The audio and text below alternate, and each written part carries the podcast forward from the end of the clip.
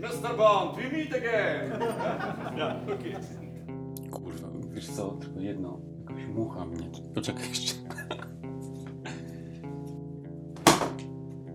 Mucha zabita, możemy zaczynać. Mr. Bond, we meet again! yeah, okay. W kolejnym odcinku podcastu James Bond Team.pl witają Was Przemek Bartnik, jamesbond.com.pl i Marcin Tadera, jamesbond.org.pl.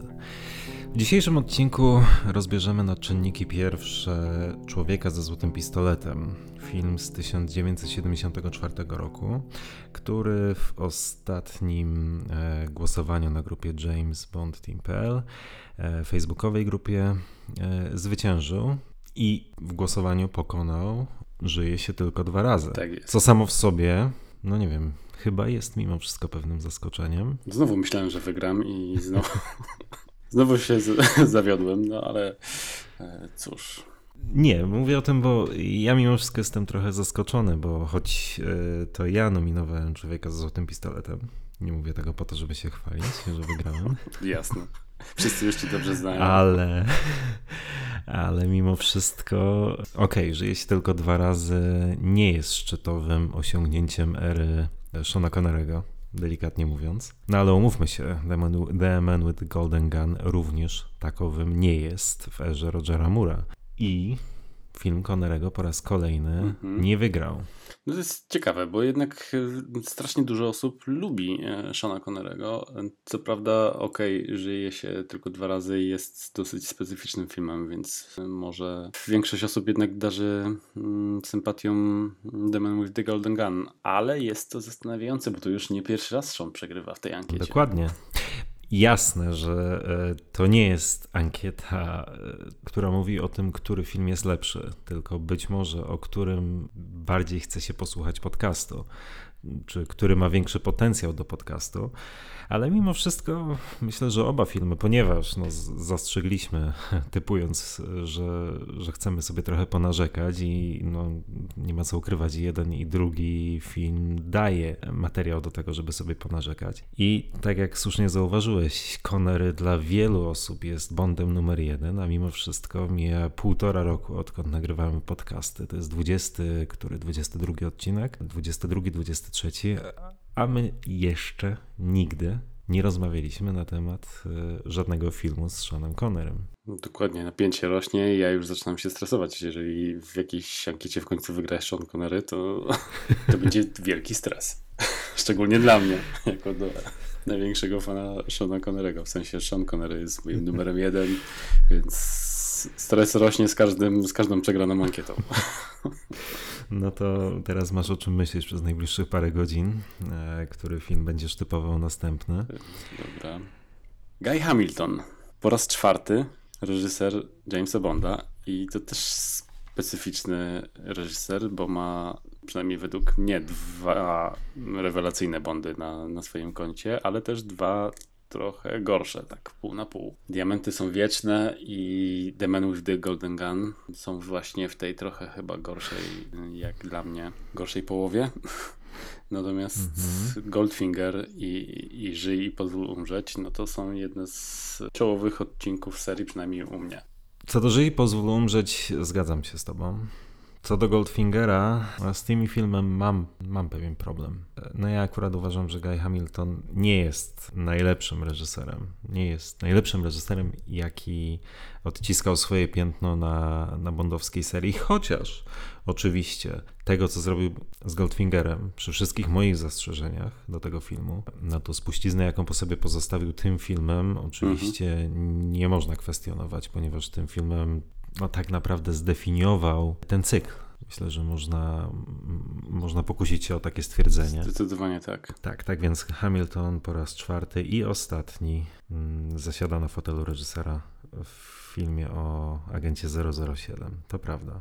No ale okej, ponieważ no, zawsze zaczynaliśmy, zwyczajowo zaczynaliśmy od tego, jakie były nasze pierwsze wrażenia po obejrzeniu danego filmu.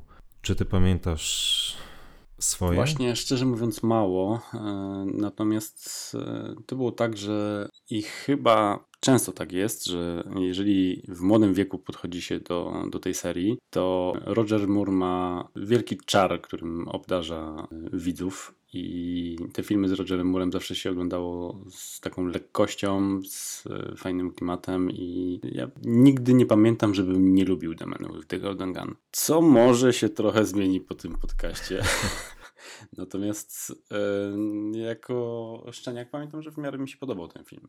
Lubiłem Scaramangę, lubiłem tę kwestię pojedynku i nie miałem jakichś, jakichś większych e, uwag, ale nie pamiętam go, e, tego pierwszego sensu aż tak dobrze jak na przykład, nie wiem, Szpieg, który mnie kochał, który o wiele bardziej zapadł mi w pamięć, czy Zabójczy widok, który był moim pierwszym Bondem. A u ciebie jak pamiętasz? Ja nie byłem fanem tego filmu. Mm, na początku mojej przygody z Bondem e, był dla mnie, miał zbyt wiele elementów, których ja w tej serii nie lubię. Był zbyt efekciarski, zbyt udziwniony niektóre rozwiązania.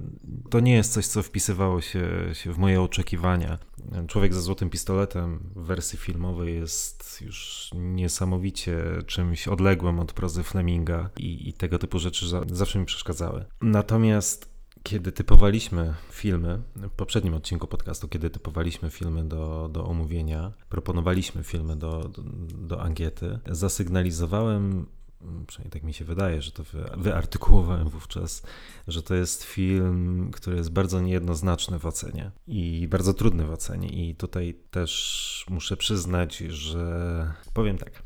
Kiedy parę lat temu oglądałem ponownie serię z myślą o przepisaniu recenzji na stronę, a w ślad za tym o ponownej ocenie tych filmów, co się nie zdarza często, raczej, raczej się trzymam pierwotnych ocen i, i, rzadko mi się zdarza, że je zmieniam. Nie wiem, jak jest u ciebie, jak ty wystawiasz ocenę jakiegoś filmu, czy ty masz, czy to jest dla ciebie duży dylemat, czy raczej przychodzi ci to łatwo.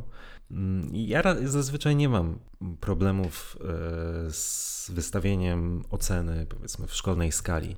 Natomiast w tej serii uważam, nie ma drugiego filmu, z którego oceną miałem taki problem, jak e, z człowiekiem ze złotym pistoletem.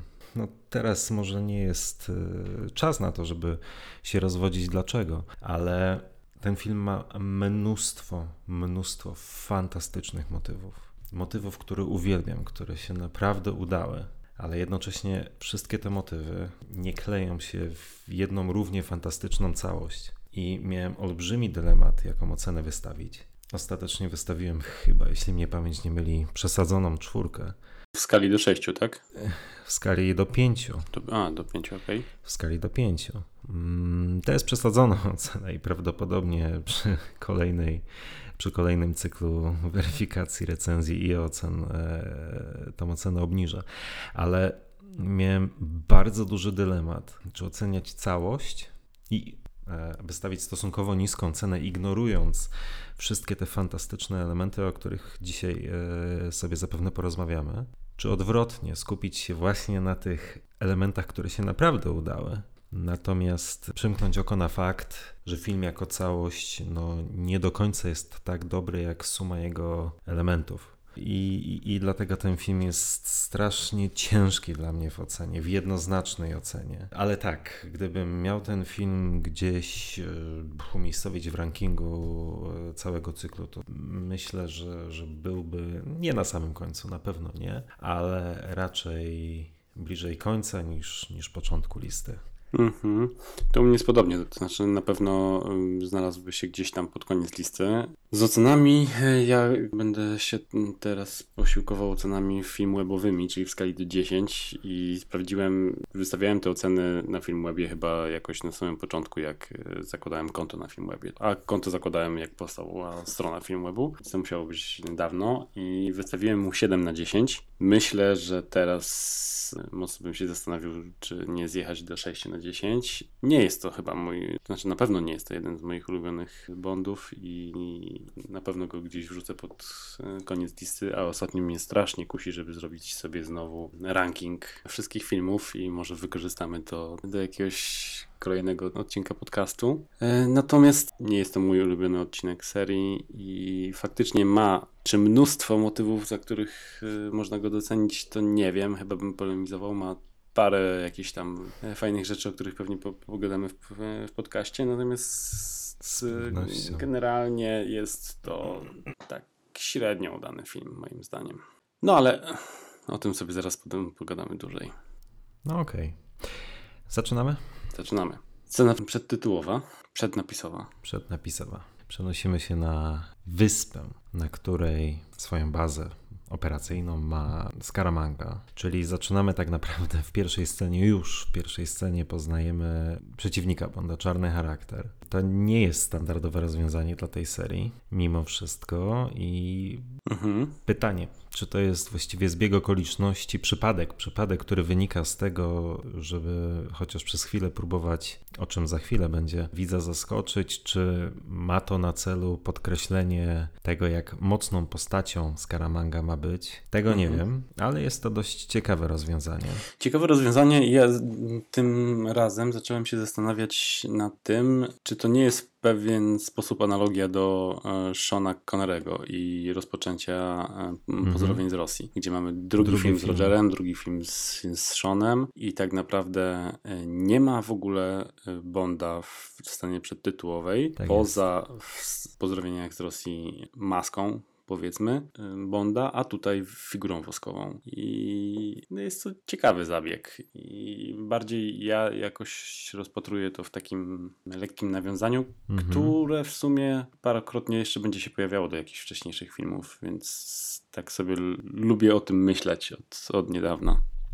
Jak najbardziej, jak najbardziej to wyjaśnienie wydaje się być e, całkiem rozsądne, tym bardziej, że wiemy jak bondowska seria pomimo pozornej braku ciągłości, czy takiej ewidentnej ciągłości, czy nawiązań ewidentnych, jeśli chodzi o wydarzenia na, na, na ekranie, no to lubię od czasu do czasu mrugać do widza okiem i, i, i nawiązywać do, do wcześniejszych filmów. Mhm. Tak więc to, to o czym mówisz, Dokładnie. jest bardzo, bardzo prawdopodobne, że, że dokładnie taki był zamysł twórców. A mimo wszystko, e, no też oczywiście w tej scenie już e, poznajemy i głównego przeciwnika, i jego możliwości, Mhm. i umiejętności. Co też być może nieco ułatwia późniejszą ekspozycję w scenie już po, po piosence tytułowej, o której za chwilę będziemy też rozmawiali. No o samej sekwencji przedtytułowej tak naprawdę moglibyśmy pewnie długo rozmawiać, bo pojawiają się tutaj już Tak, kilka postaci, których w sumie warto omówić. Nie wiem, czy już teraz, czy, czy później, ale mamy i głównego henchmana. Niknak, Tabasco! Tabasco, tak. Więc e, jest mini odd job. I teraz, e, skoro już mowa o mini odjobie, czyli Nick Naku, czyli henchmanie Skaramangi, to teraz pytanie za 100 punktów. Kto wymówi nazwisko aktora? Zapisałem sobie nawet w notatce. Nie daj się wpuścić w wymówienie jego nazwiska. E, nie sprawdziłem wymowy, nie wiem jak ty. Sprawdziłeś? Sprawdziłem, ale powtórzenie tego będzie pewnym wyzwaniem. Myślę, że zostawię sobie to nieco później. To zróbmy tak. To może ja, ja w takim razie, skoro nie sprawdziłem, to powiem, a ty, a ty później mi poprawisz to na to. Okej. Herf Villechajze. Czekaj, to było jakoś Hervé Vilches, mniej więcej. No. To skoro już najtrudniejszą część tego podcastu mamy za sobą, no, to na pewno było duże wyzwanie, to ja myślę, że o samym Nignaku pewnie jeszcze też będziemy później mogli chwilę porozmawiać. W tej scenie też poznajemy, no właśnie, poznajemy kobietę, partnerkę Skaramangi, kochankę Skaramangi, Sacrificial Lamb, z całą pewnością, Andrea Anders. I z góry mówię, pewnie o niej też porozmawiamy, myślę, trochę później, aczkolwiek Andrea Anders jest jednym z tych fantastycznych elementów tego filmu, o którym mówiłem wcześniej i będę, będę tego bronił jak niepodległości. No dobrze, to szykuj się na atak. Bo ja Maud Adams będę rzeczywiście e, w samych superlatywach o niej mówił przy okazji ośmiorniczki, natomiast tutaj mam, mm -hmm. mam kilka zastrzeżeń, ale o tym sobie pewnie jeszcze pogadamy. Na pewno sobie pogadamy w takim mm -hmm. razie.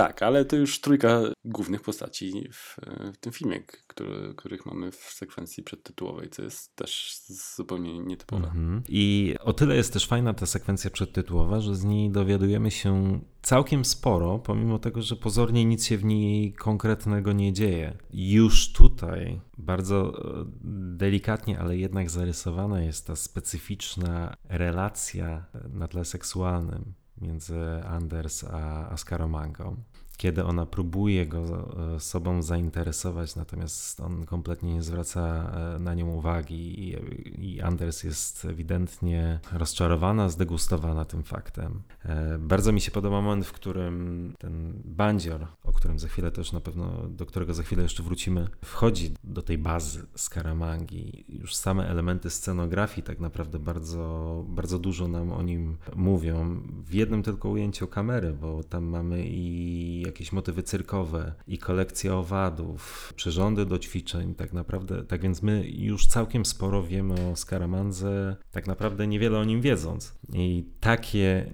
niuanse reżyserii ja osobiście bardzo lubię. No wiadomo, że naczelną zasadą, taką trochę wyświechtaną, ale, ale mimo wszystko jest, jest to, że pokaż, a nie mów. No to to jest właśnie taka fajna ilustracja tej zasady. To, że potem o tym wszystkim będzie też powiedziane, no to już jest inna sprawa, natomiast e, to nakreślenie tego tła w sekwencji przedtytułowej jest bardzo fajne. Zgadza się. I tutaj też fajnie widać tę relację między Niknakiem a, a Scaramangą i ich taką dziwną grę.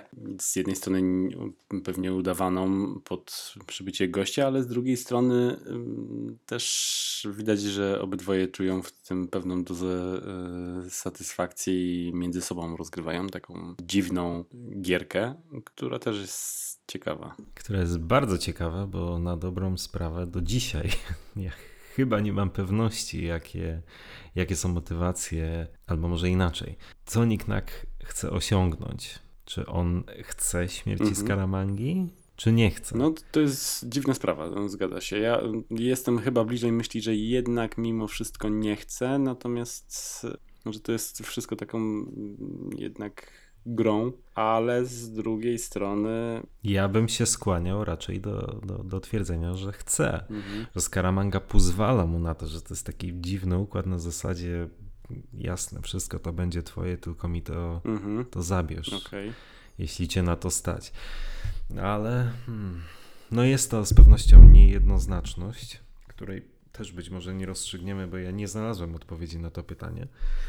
No ale fajnie, no zostawione jest coś naszym domysłom. E, całkiem sympatyczne. Natomiast e, rzeczywiście w tej sekwencji przedtytułowej też jest e, pokazany właśnie ten motyw tej gry między tymi dwiema postaciami.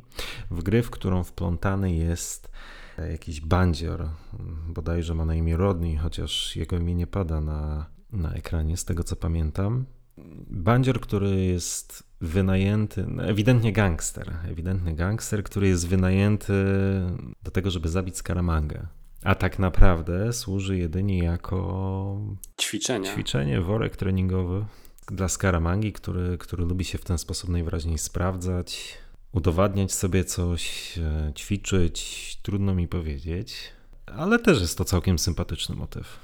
Dokładnie. Z drugiej strony to też może być potwierdzenie tego, że mają ta ich gra może polegać na tym, że faktycznie Scaramanga mówi Niknakowi, że to wszystko będzie twoje pod warunkiem, że załatwisz mi jakiegoś godnego przeciwnika, który mnie nie pokona i Niknak też sam jakby nie próbuje nigdy zabić powiedzmy Scaramanga, tylko mu służyć, ale jednak zatrudnia, bo widać w tej scenie jak mu daje kasę, więc co chwilę zatrudnia kogoś, kto może pokonać Scaramanga, ale jednak się to w tej scenie zdecydowanie nie, nie udaje. E, natomiast fajny motyw. Ja bardzo lubię, szczerze mówiąc, bardzo lubię ten psychodeliczny pokój zabaw z Scaramangi. Tak jak powiedziałeś, trochę jakieś cyrkowe motywy, trochę jakiś, z jakiegoś takiego wesołego miasteczka z tunelu strachu, coś w tym stylu. Tak sobie zawsze yy, lubiłem o tym myśleć. Fajne. Dla mnie ta cała scena yy, przedtytułowa jest ciekawym wprowadzeniem i lubię ją. O samym tym zabójcy jeszcze warto wspomnieć, bo odkrywa go Mark Lawrence. I to już jest drugi występ tego aktora w serii e, o Bondzie i drugi występ u Gaia Hamiltona, bo pierwszy raz zagrał w e, Diamonds Are Forever. Też wydaje mi się, że jakiegoś bandziora już nie, e, nie pamiętam. Nawet nie jakiegoś bandziora, tylko wydaje mi się, że to jest ta sama postać. On grał tego gościa w Las Vegas, tego bandziora w Las Vegas, który wyrzucał e, Plenty O'Toole, wyrzucał z okna kasyna i Connery mu mówił, znaczy Bond mówił do niego, że no nieźle trafił w ten basen, coś takiego, a na to, że nie wiedziałem, że tam jest basen. I to jest, myślę, że to jest ta sama postać. E, bardzo podobnie ubrany, bardzo podobna maniera, tak więc jest to fajne nawiązanie, no, jeśli rzeczywiście tak jest, to jest to bardzo fajne nawiązanie do, do Ery Connerego, takie nieoczywiste, bo mi zajęło ładnych paręnaście lat odkrycie tego detalu, e, ale fajne, fajnie. E, ja nawet jeśli wiedziałem o tym e, kiedyś, to zapomniałem i tak naprawdę, to znaczy na pewno wiedziałem, bo czytałem mm, między innymi, pamiętam jak czytałem o tym w e, książce Michała Grześka, natomiast tym razem jak oglądałem, to kolejny raz byłem zaskoczony tym faktem, jak słuchałem z komentarzem reżysera i mówię, o kurde, rzeczywiście, ale tak jak mówię, nawet zapomniałem sobie sprawdzić, kogo grał w Diamonds Are Forever, zresztą tego filmu też bardzo dawno nie odświeżałem, a, a muszę, bo ostatnio miałem dużą ochotę. Ciekawa postać, rzeczywiście fajnie, jeżeli jest tak jak mówisz, jeżeli jest to nawiązanie do e, Ery Connerego i jeżeli to jest ta sama postać, to jest bardzo ciekawa e, sprawa. Nigdy tak o tym nie myślałem, może zacznę.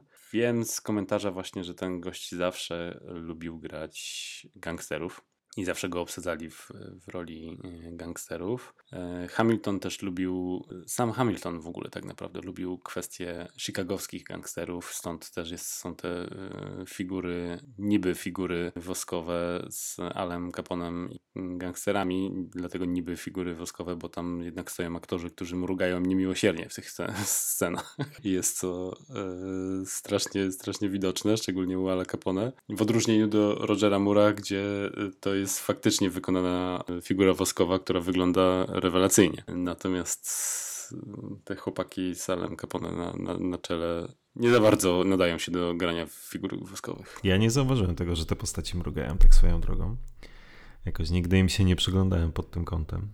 Ja za każdym razem patrzę na to i za każdym razem zastanawiałem się tak naprawdę, czy Roger Moore jest e, woskowy, czy jest prawdziwy w tej scenie i po Rogerze nic nie widać, a ta figura naprawdę dobrze wygląda na ekranie, natomiast na Ala zawsze, zawsze jakoś patrzyłem i zawsze widzę to jego mruganie.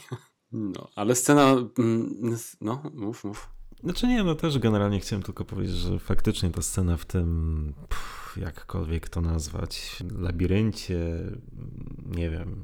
Ten trening jest, jest faktycznie fajnym pomysłem, jest fajnie zrobiony, fantastyczne, fajne, może nie fantastyczne, ale bardzo fajna jest scenografia. O scenografii też pewnie jeszcze będziemy rozmawiać w innym, przy, przy innej okazji, ale też myślę jest to jeden z tych elementów, który kiedyś mi się nie podobał, był zbyt udziwniony, zbyt nie na miejscu, zbyt niepoważny. Teraz chyba doceniam ten element trochę bardziej. Mm -hmm, Tak, no to ja nie pamiętam, żebym kiedyś miał coś e, do tej sceny. Podoba mi się i lubię też zakończenie, bo tak naprawdę E, zakończenie tej sceny tytułowej jest de facto takim gunbarelem, tylko w wykonaniu Skaramangi, który się naraz odwraca i hmm. strzela do woskowej figury Rogera, odstrzeliwując mu palce.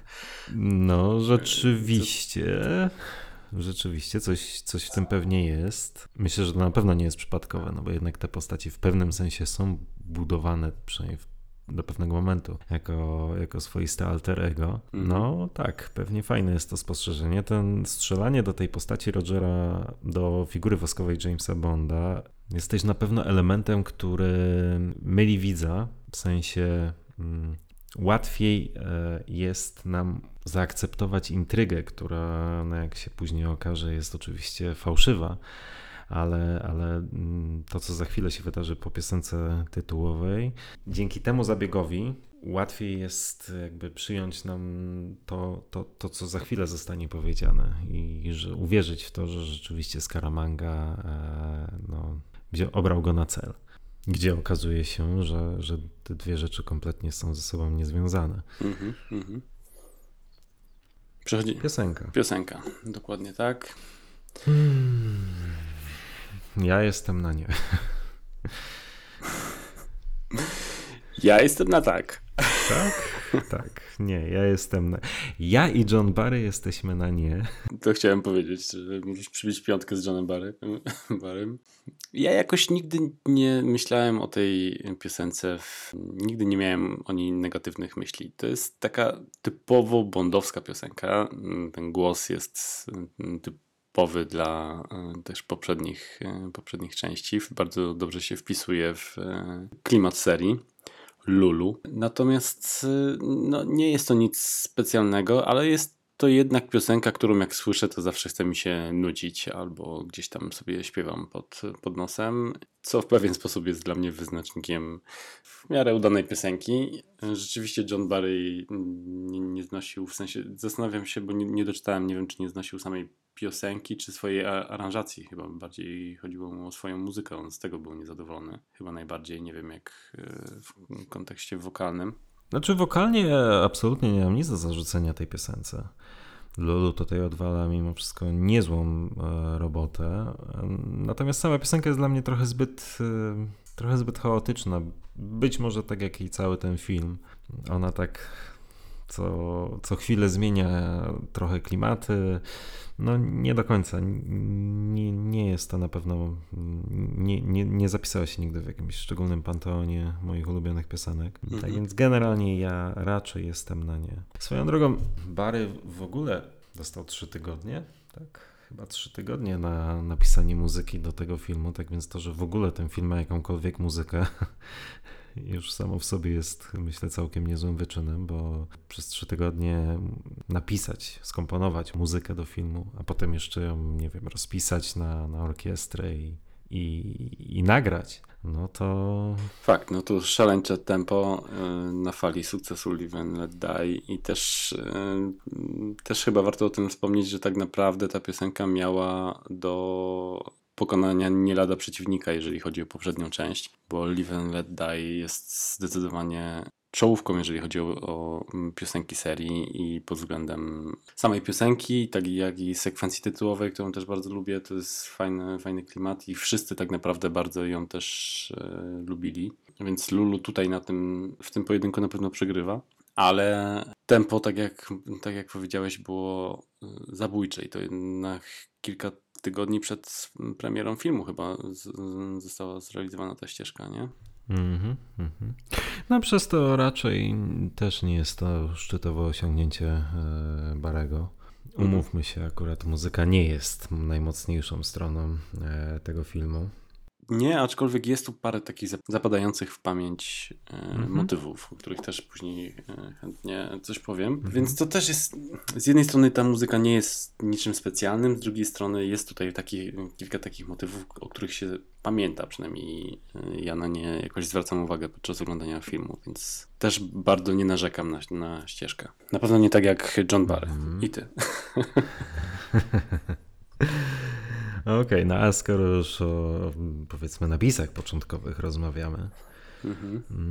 no to warto też jeszcze zwrócić uwagę, no bo tak o Gaju Hamiltonie mówiliśmy już na samym początku. Pierwszy draft e, scenariusza napisał Tom Mankiewicz i to też był ostatni film, do którego pisał scenariusz, albo inaczej. To jest ostatni film o Bondzie, do którego Mankiewicz pisał scenariusz, bo wcześniej opisał i do Diamenty są wieczne, i Żyj, i Pozwól umrzeć. I Człowiek ze złotym pistoletem jest ostatnim filmem, w którym jest wymieniony w napisach mm, jako scenarzysta bo potem przy kolejnych dwóch filmach również pracował, ale, ale nie, jego nazwisko nie znalazło się w mhm. napisach początkowych. No a później ten scenariusz poprawiany był przez Richarda Maybauma, no, czyli absolutnego weterana tej serii, który, który maczał swoje palce w wielu filmach, od Doktora No do, aż do licencji na na zabijanie. Tak więc Mhm. no, no to powiedzieć o nim, że to jest człowiek instytucja, jeśli chodzi o pisanie scenariuszy do tej serii, to, to tak jakby nic nie powiedzieć. Dokładnie. Ale tu ciekawa e, rzecz była w, właśnie w komentarzu do filmu na Blu-rayu, gdzie mówili, że to był właśnie Mankiewicz chyba. Tam w wywiadzie wy, wy- wypowiadał się, że on przechodził wtedy kryzys twórczy. Bardzo ciężko mu się pisał ten scenariusz do, do tego filmu i oddając go do producentom powiedział, że on nie da rady dokończyć, nie jest zadowolony z tego scenariusza i żeby go dali komuś do przerobienia. I tak trafił właśnie do e, Maybauma, który go przerobił, a w końcu producenci zwrócili ten przerobiony e, scenariusz Maybauma z powrotem do Mankiewicza, który nanosił poprawki na scenariusz Maybauma. O, to tego już nie wiedziałem. Więc taka paradoksalna sytuacja. Bardzo. Też nie wypowiadał się jakoś super, w superlatywach w tym filmie. No wydaje mi się, że Mankiewicz, wydaje mi się, że ten jego, przynajmniej ten jego pierwszy draft chyba był takim bardziej stonowanym filmem. Bardziej rzeczywiście skupiającym się na, na, na pojedynku mm, tych dwóch silnych osobowości, jakimi był Bond i, i Scaramanga, bez tak wielu wątków pobocznych i tych niestworzonych i czasami niestosownych o czym też będziemy mówić, e, wydarzeń na ekranie. Tak więc ja bym osobiście bardzo chętnie przynajmniej przeczytał ten pierwszy, pierwszy draft, jaki ten film mógłby być. Mhm. No ale oczywiście to jest rok 1974, to jest e, no, moment, w którym w tej serii chodziło jednak o, o troszkę o coś innego, na coś innego stawiano akcenty. To już był taki taki moment, w którym ta seria miała być przede wszystkim widowiskiem. I tak też taki jest po prostu efekt końcowy. A szkoda, bo dobra, to też pewnie nie będzie dobrego momentu, żeby o tym powiedzieć. Człowiek za złotym pistoletem jest oczywiście tytuł.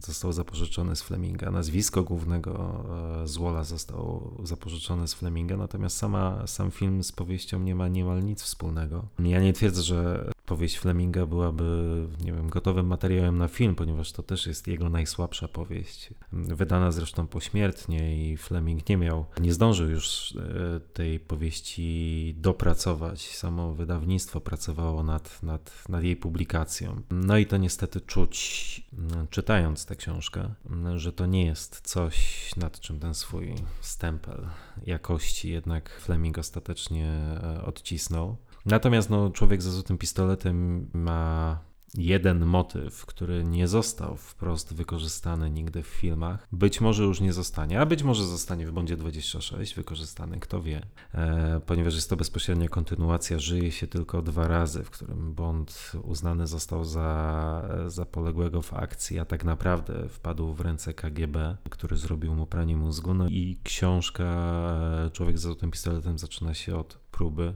zamachu na M, której dokonuje James Bond i to jest fantastyczny, fenomenalny punkt wyjścia w powieści, który daje no niesamowite, niesamowite pole do, do popisu. Natomiast no, w filmie tego elementu zabrakło. No oczywiście to jakby nie było za bardzo tej podbudowy, jaką, jaki ten motyw miał w powieściach. No ale, ale szkoda. No. Potencjał dramatyczny został w znacznej mierze zaprzepaszczony. A nie udało się odnaleźć jakby równie emocjonującego wątku, czy nie było równie emocjonującego pomysłu na ten film, albo przynajmniej nie udało się go odpowiednio rozwinąć. No i cóż, no, no tyle. Tak jak już przed chwilą mówiłem, to nie ten moment e, w serii, w którym na takie wycieczki e, producenci sobie pozwalali. Mhm. To tylko jedno, e, jedna mała dygresja, jeżeli powiedziałeś, że a może taki motyw zostanie wykonany, e, wykorzystany w Bondzie 26, to rozumiem, że okazuje się, że Daniel Craig jednak przeżył. Poskładali go do kupy Nie, wiesz, i próbuje zabić, jem. Nie pójdę do kina. Zamknę stronę. Mm. O, przesadzasz. Nie, no słuchaj, jak najbardziej ja widzę potencjał w tym, żeby od tego rozpocząć e, Bonda 26, bo dlaczego nie rozpocząć od trzęsienia ziemi? Byłoby to bardzo hitchcockowskie. A później można oczywiście wyjaśniać po, po piosence tytułowej, jak do tego doszło. To by z kolei było bardzo flemingowskie. Mhm. E, tak więc no, wiemy, że tam kolejna era, jaka ona nie będzie i kiedy ona nie będzie. No, z erą Craiga nie będzie miała nic wspólnego, być może nie będzie miała z wcześniejszymi filmami nic wspólnego, tak więc ja nie widzę najmniejszego powodu, dla, dla którego e, tak by się miało nie zdarzyć. Czy nie mieliby sięgnąć po ten motyw, bo kiedy, jak nie teraz. No ale to pewnie może nie ściętej głowy, chociaż rzeczywiście potencjał dramatyczny w takim rozpoczęciu filmu byłby no gigantyczny. True. No dobrze, ale wracając do sekwencji mm, przedtytułowej, to jeszcze została nam do omówienia kwestia graficzna chyba, chyba że o jakichś nazwiskach jeszcze chcesz teraz mówić? No chyba jeszcze musimy o jednym. Harry Salzman. Okej. Okay. Ostatni film. Mhm. Ostatni film, który został wyprodukowany e, we współpracy między e, Harrym Salzmanem i Albertem Kabim Broccoli. O ile można mówić już na tym etapie ich współpracy o współpracy, mhm. bo panowie się, myślę szczerze, już nie znosili w tym momencie. Mm, no i ich ścieżki się rozeszły. Tak jest. Ja zostawiłem sobie historię z Salzmanem na mm, końcową e, opowieść o tym podcaście, bo tam było, była e, fajna historia, ale to tak czy inaczej bardzo dobrze, że o tym wspomniałeś, bo to rzeczywiście jest zdecydowanie warte odnotowania. Natomiast pod koniec przy pojedynku ze Skarmangą jest bardzo ciekawa historia z, z Salzmanem, to o tym sobie pogadamy później. Ale tak, no, to rozpada się tutaj duet, który odpowiadał za wprowadzenie Jamesa Bonda na ekrany. No i jest to koniec epoki. Jest to bardzo duże wydarzenie. Wydarzenie, które będzie miało bardzo daleko idące konsekwencje dla świata Jamesa Bonda, bo to nie tylko. Konsekwencją jest nie tylko to, że nazwisko Salzmana już się nie pojawia w napisach e, początkowych kolejnych filmów, ale Salzman swoje prawa, e, swoją część praw sprzedał United Artists. United, United Artists zostało później wykupione przez MGM, no i. E, no i taki jest skutek jaki jest, że filmy, filmy teraz oglądamy jeden co 5-6 lat, a nie, nie co dwa. Tak mówiąc oczywiście w dużym uproszczeniu, bo to pewnie też jest materiał na osobny podcast. Ale tak, no tutaj zawirowania do, z prawami autorskimi, batalie sądowe e, i tak dalej, i tak dalej, to naznaczyły tę serię, to wydarzenie mhm. naznaczyło tę serię na kolejne kolejne dekady. Ze szkodą dla serii. Nie ma co owijać w bawełnę. Dokładnie. E, no dobrze. Maurice Binder. Ja już skończyłem o nazwisku. Jest, nie kończymy. Maurice Binder. jak, jak wizualnie? Myślę, że okej. Okay. Myślę, że okej. Okay. Ani jakiś szczególnie nie zapadło mm -hmm. mi w pamięć, ani też mnie nie odrzuciła.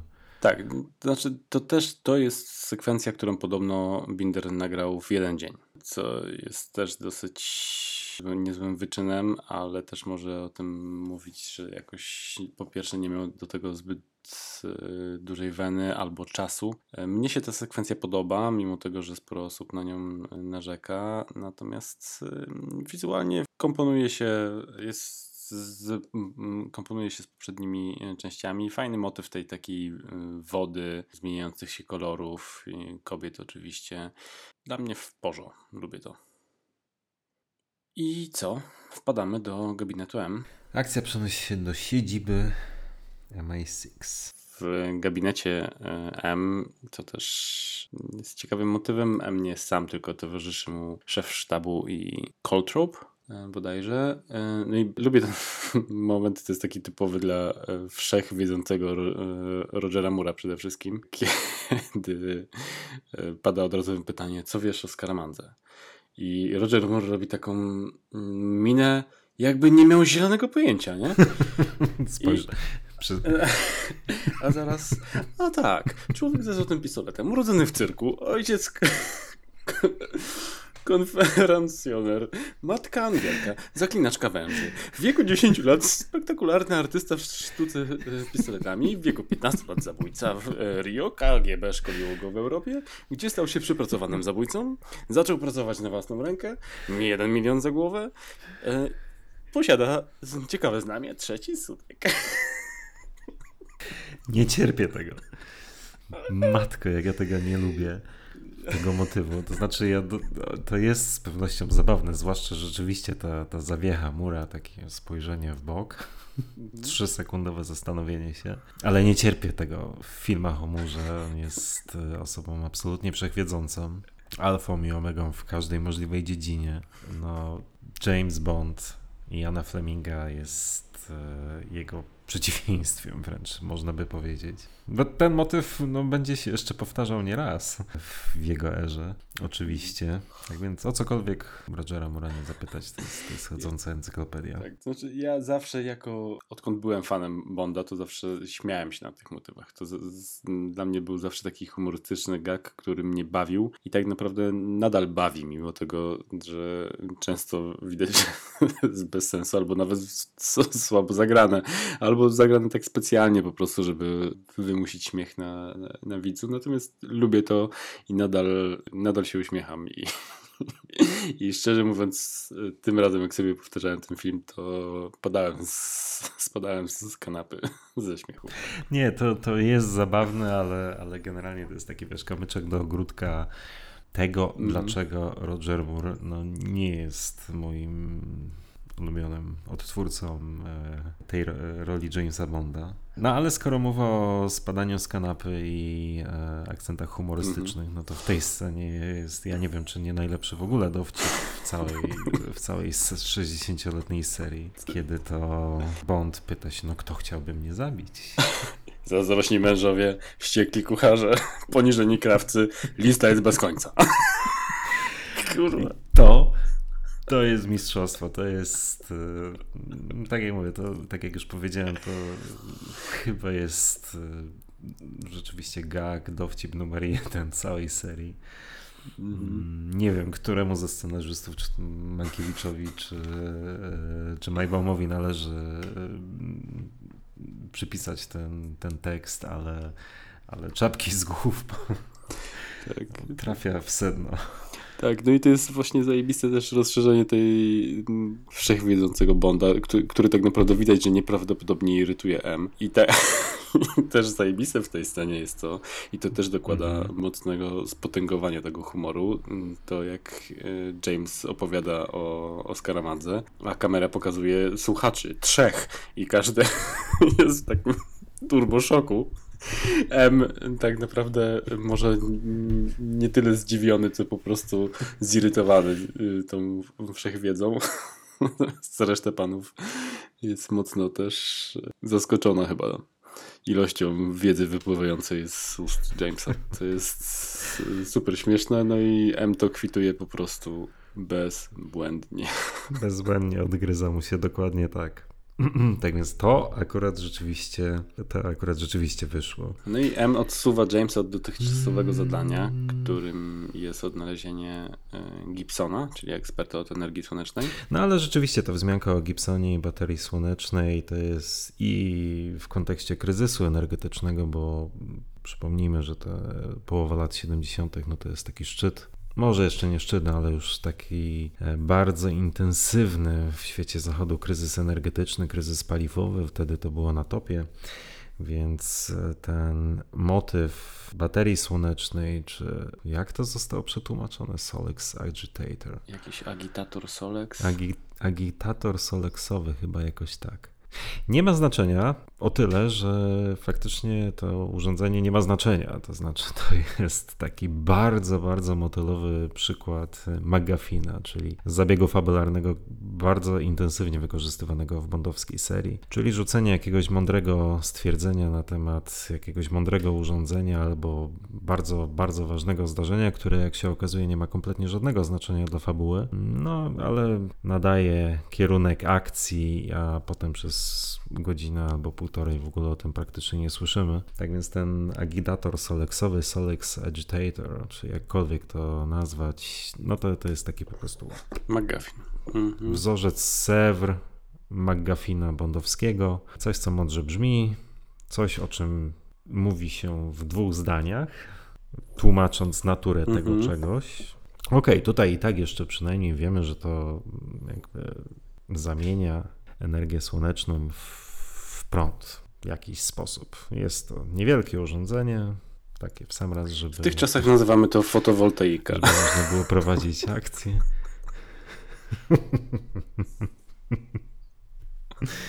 Coś w tym stylu. No tak więc e, daje to później.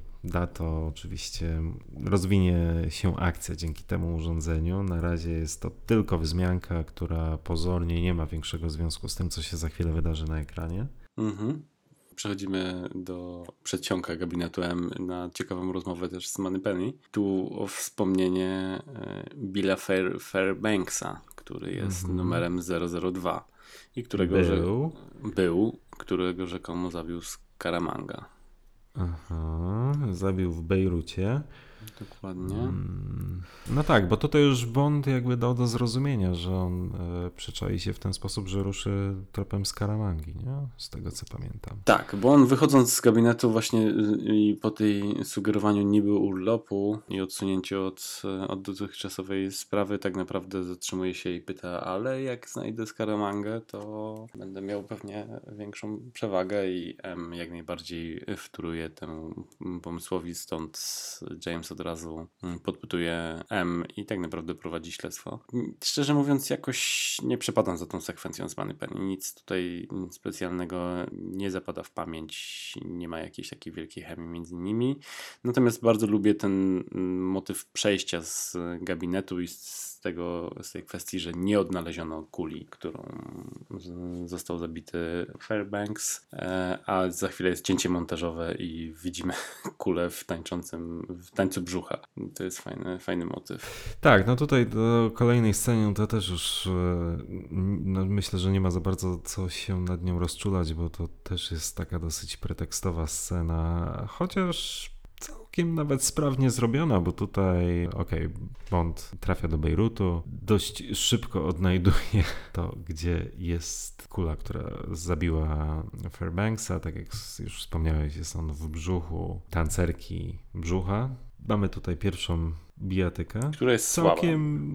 A właśnie chciałem powiedzieć, że mi nawet całkiem się Ja, wiesz co, ostatni Znaczy, podcast... b- Bo, miejmy to z głowy. Generalnie Roger Moore w bijatykach wygląda, czy zasadniczo się kompletnie do tego nie nadaje. To prawda. Ja mam na w uwadze na przykład poprzedni podcast, w którym rozmawialiśmy o w tajnej służbie i królewskiej mości i porównywanie bójki z On Her Majesty's Secret Service do bójki tej tutaj, no to jest e, nie była ziemia. Ale to tak jak mówisz, to Roger Moore nieraz to powtarzał, że to nie leży w jego naturze i to wręcz czasami wy, wygląda kom- komicznie. Tu o tej jednej scenie jeszcze mm, to też mi przyszło do, do głowy teraz e, podczas tego e, seansu, przygotowywania się do podcastu, to, że to jest też w pewien sposób, mm, tak to odczytuję jak lekkie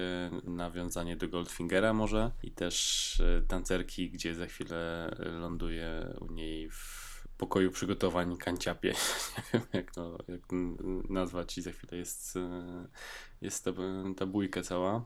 W Goldfingerze e, o wiele bardziej lubię e, ten motyw. Tu też ciekawie się kończy, bo mm, tak naprawdę ta kula z brzucha Mhm. ląduje szybko w e, ustach Jamesa, który ją połyka i opu- opuszczając pokój prosi taksówkę jak najszybsze przemieszczenie do najbliższej apteki. Też jest, jest dosyć śmieszne. I lądujemy u Q. I lądujemy u i tu z kolei dla odmiany jest scena, którą bardzo lubię, ponieważ ta kula jest poddawana badaniu w laboratorium Q i tutaj jest całkiem fajnie napisana, moim zdaniem, całkiem fajnie napisana rozkmina na temat, na temat tej kuli, gdzie na podstawie powiedzmy jakości złota czy, czy stopów poszczególnych metali dochodzą do wniosku, skąd to złoto mogło być, gdzie może być wykorzystywane. Całkiem sprytnie, już nigdy nie wnikałem w to, na ile to jest powiedzmy mniej czy bardziej prawdopodobne, natomiast to akurat jest bardzo fajnie napisany sposób na, na popchnięcie akcji do przodu.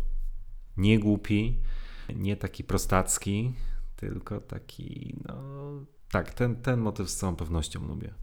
Mhm, mhm. Tak, no i no, też nie dziwię się i wiedziałem o tym, że powiesz, że lubisz ten motyw, bo tutaj tak naprawdę też Q w ogóle nie, nie daje żadnych gadżetów. Nie? Tak. Tutaj jest tylko i wyłącznie, na, tak jak mówisz, analiza kuli, popchnięcie śledztwa do przodu i Mhm. jedziemy dalej, nie? Tak jest. Co jest dosyć nietypowe i, i ciekawe. Mhm. No i James ląduje w Makau u seniora Lazara. Mhm. I to jest kolejna scena, którą ja bardzo Mhm. lubię.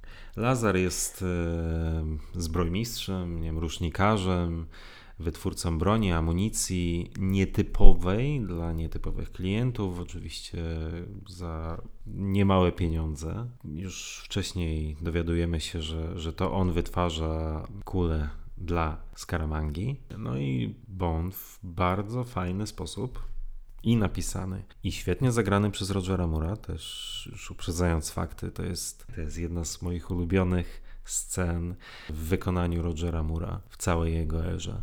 No, próbuję go zmusić do wyjawienia, kim i czy gdzie jest. Scaramanga. Tak, robi to w bardzo fajny sposób, tak jak powiedziałeś, z bardzo fajnym e, napisanym dialogiem. Super. Fajnie napisane i fajnie zagrane zresztą z tych dwóch stron. Ta Lazar też jest taką postacią, pojawia się na ekranie, może ja nie wiem ile ma czasu ekranowego, 5 minut, ale zapada w pamięć.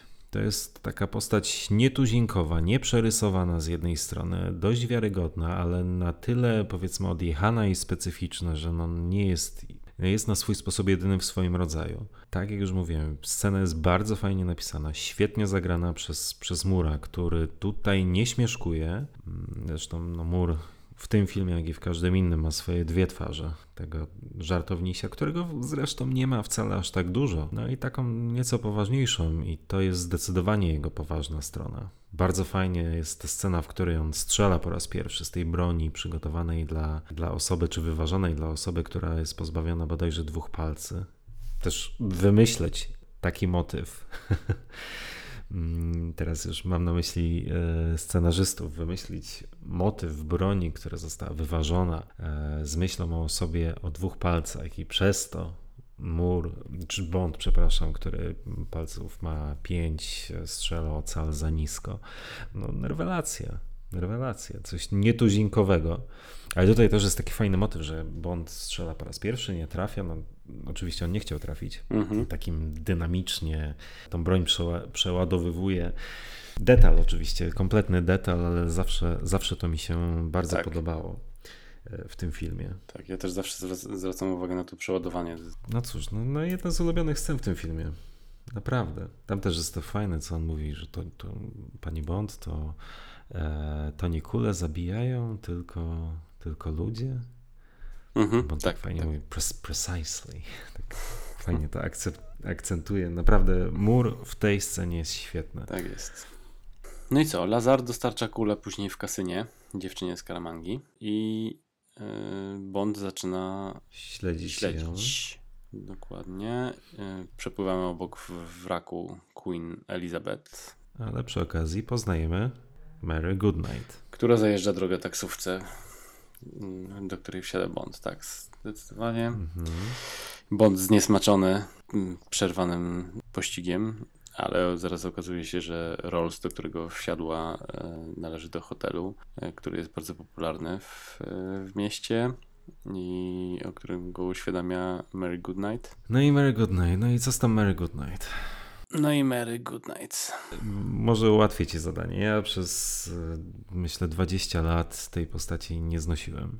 Zawsze wydawało mi się, że jest e, infantylna, że ma po prostu ślicznie wyglądać, e, co z całą pewnością się oczywiście udało, bo Brit Eklund jest bardzo atrakcyjną kobietą, ale zawsze miałem tą postać jako no, poniżej poziomu tej serii, jeśli chodzi o sposób jej kreacji. Natomiast nadal to nie jest kobieta Bonda, która jest, należy do moich ulubionych, to na pewno nie. Mm, Ale myślę, że w ostatnich, nie wiem, dwóch, trzech latach, e, w ostatnich kilku podejściach do tego filmu już patrzę na nią, na tę postać znacznie bardziej łaskawym okiem. Tym bardziej, że ona też jest taka niejednoznaczna, ona nie jest, nie jest konsekwentna, bo ona niestety ma też swoją rolę do odegrania, tą taką właśnie, żeby wyglądać ślicznie, zwłaszcza w trzecim akcie. Ma być tym akcentem humorystycznym, ze szkodą i dla tej postaci, i ze szkodą dla filmu. O tym będziemy mówili za parę godzin. Ale no nie czarujmy się, jest 23.40 na litość boską.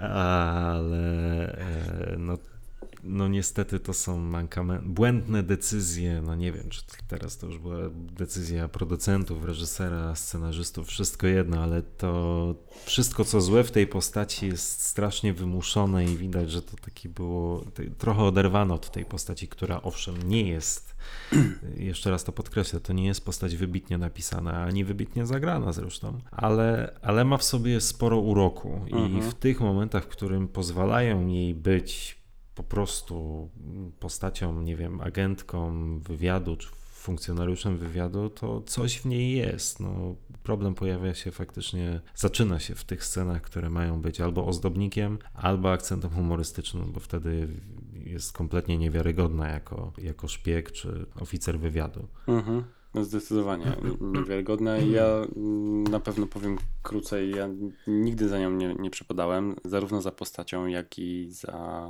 urodą Brit Eklund, to tak. Jakoś nie robi na mnie większego wrażenia, a gra tutaj osobę, która jest w pewien sposób e, mało inteligentna albo sprawia takie wrażenie, co jest Y, trochę denerwujące dla mnie. Druga sprawa to tej postaci scenarzyści dołożyli jeszcze mniej interesujących cech przez to, że ona tak niesamowicie zabiega od, od samego początku o Jamesa. Dla mnie jednak e, za każdym razem relacja między Jamesem a, a kobietą wydaje się o wiele bardziej ciekawsza, jeżeli James musi jakby przekonać ją do siebie. Tutaj jest jak od, od zupełnie odwrotna sytuacja i James od samego początku jakby patrzy na nią z pewną niechęcią, przynajmniej takie odnoszę, odnoszę wrażenie, a ona cały czas nie może się doczekać, kiedy wskoczy Jamesowi do łóżka. Jest, nie, zgadzam się. Ja tak trochę to odbieram. Nie, znaczy no jedna, znaczy po pierwsze faktycznie powiedziałeś, że lubisz jak e, Bond musi się trochę, trochę wysilić, żeby przekonać do siebie kobietę, mhm. więc tak już poetycko oczywiście. No umówmy się, Rogerowi Murowi dużo czasu z reguły nie zajmuje przekonanie do siebie kobiety. E, no jego relacja z Mary Goodnight jest, Mary Goodnight jest specyficzna. On e, w powieści to jest jego była sekretarka. Właśnie, ona się też pojawia na kartach powieści. Człowiek ze złotym pistoletem. Mary Goodnight była sekretarką Jamesa Bonda. Tego do końca nie można powiedzieć, że tak samo było w filmie, ponieważ tego nie wiemy, ale według mnie te dwie postaci łączyła wcześniej jakaś zażyłość. Oni się znają już w tym momencie, mhm, a mhm. Mary Goodnight przecież się zarzeka, że tym razem się mu nie nie jest zainteresowana tego typu relacją. Oczywiście szybko zmienia zdanie, ale to dopiero troszkę później, moim zdaniem. Ale to nawet, ale James jej w ogóle jakby do tego nie, nie przekonuje. Ona zmienia zdanie, bo tak naprawdę to, że mówi, że nie, nie jest nim zainteresowana, jest okropnym kłamstwem. Nie, no przecież on nie. No, no może i tak, ale no, że on też tam jej kity wciska tam przy tej kolacji i szampanie, próbując roztoczyć swój urok. No do tej sceny też pewnie jeszcze wrócimy, ale no ja nie wiem jak określić ich, ich relacje. No, na pewno łączy ich wspólna przeszłość. No, ja zawsze odnosiłem wrażenie, że łączy ich wspólna, wspólna przeszłość, również relacje intym, intymne. Tak więc ta dynamika wątku, jeśli w ogóle można to nazwać wątkiem romantycznym, Pewnie nie. W tym filmie jest też wyjątkowa pod tym względem, bo to, to już jest po prostu kilka kroków dalej. Punkt wyjścia już jest kilka kroków dalej niż, niż zazwyczaj. No dobra, no ale zgadzamy się co do tego, że Mary Goodnight wybitną postacią nie jest i wybitną kobietą Bonda również nie jest. No i to się pewnie nie zmieni. Tak jest i przeskakujemy do, płynnie do drugiej kobiety, czyli do Maud Adams i James tym razem z szampanem wbija w Makao pod prysznic do nowej kobiety, co nieprawdopodobnie e, przypomina mi w tej chwili scenę z, e, z Skyfall. Tak jest. Tak jest, tak. Mi też, mi też to zdecydowanie przypomniało. No, może to nie jest aż takie wpakowanie się jak Craig to robi z Severin. Natomiast no, dla mnie teraz. No nie, bo się nawet wcześniej nie, nie, nie poznali, więc tutaj to by wyszło jeszcze bardziej komicznie niż z Craigiem, aczkolwiek Ale, ale rzeczywiście, no, mur jednak no, kompletnie nic sobie nie robi z prywatności obcej mu kobiety. No, dzi- dziwnie napisana scena, to znaczy, no, ja rozumiem, że to jest jak najbardziej znak czasów, o którym tak często tutaj musimy przypominać. Tak, to jest znak czasów, to jest bardzo. Znaczy, generalnie, no, co tu dużo mówić? No, James Bond w tej scenie, czy w tych scenach z Andreą Anders jest po prostu świnią. No. Nie da się tego inaczej, nie da się tego inaczej określić, bo z jednej strony to jest tak stawianie jej w niekomfortowej sytuacji pod prysznicem, oczywiście.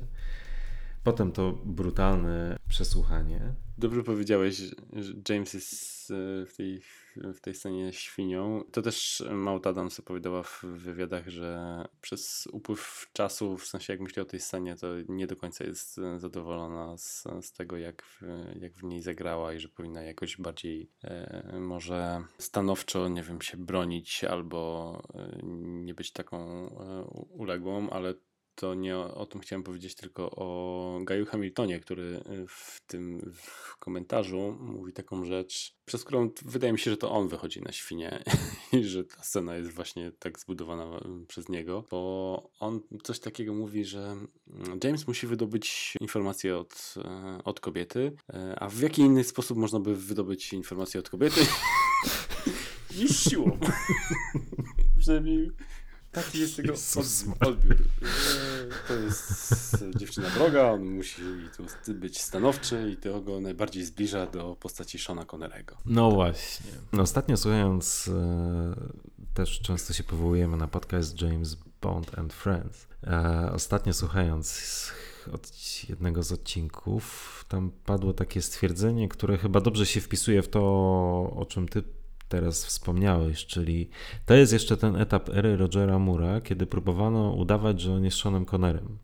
Albo przynajmniej stawiać go w sytuacjach, czy portretować go trochę tak jak Seana Connerego. No wiadomo, że Roger Moore ma swoich, wiele swoich ograniczeń. Aktorsko, fizycznie, lubi pewną manierę aktorską, w której się sprawdza najlepiej. No, myślę, że wykręcanie e, kobietom ręki, policzkowanie i tak jak to robił tutaj e, Sandra Anders i to wyraźnie sprawiając jej ból, no chyba nie do końca i samemu Rogerowi pasowało, ale też no, oglądanie tego tak nieco budzi w widzu trochę dysona- taki pewien dysonans, przynajmniej we mnie, Zdecydowanie. ale chyba w późniejszych filmach już chyba go nie stawiają w takich sytuacjach. Chyba nie, to znaczy nadal są takie sprzeczne z jego naturą rzeczy typu kopnięcie Mercedesa, o którym rozmawialiśmy, natomiast chyba już Tak. nie ma y, takich Tak. scen z, z kobietami. Ale- Tak. Mhm. Przy czym tam oczywiście to było znacznie, znacznie lepiej, bo mówimy tutaj o scenie z Tylko dla Twoich oczu. E, Tam ta scena była oczywiście znacznie, znacznie mocniej podbudowana emocjonalnie. I pomimo tego, że to nie do końca było w stylu Mura, który co prawda wcześniej w e, szpiegu, który mnie kochał, nie miał najmniejszego problemu, żeby bezbronnego człowieka zrzucić z dachu, ale to tam taki detal. Natomiast e, ta scena e, była bardzo solidnie podbudowana emocjonalnie i zabójstwo Loka no jest, jest rewelacyjne. Natomiast tu no, tak naprawdę mur przechodzi do, do rzeczy bez. Tak, jakby rzeczywiście to, o czym ty, ty wspomniałeś, te słowa Hamiltona, tak jakby on rzeczywiście tak sobie to wyobrażał. No, że, no a co miał zrobić? No nie wiem, no może mógł po prostu porozmawiać, zapytać. Dokładnie. Tym bardziej, że Maud Adams, Andrea Anders y, też ma pewnie pewne ale do, do Skaramangi, więc myślę, że y, Jamesowi byłoby łatwiej, łatwo wyciągnąć od niej jakąś informację, no ale dobra, zrobił tak, jak reżyser chciał.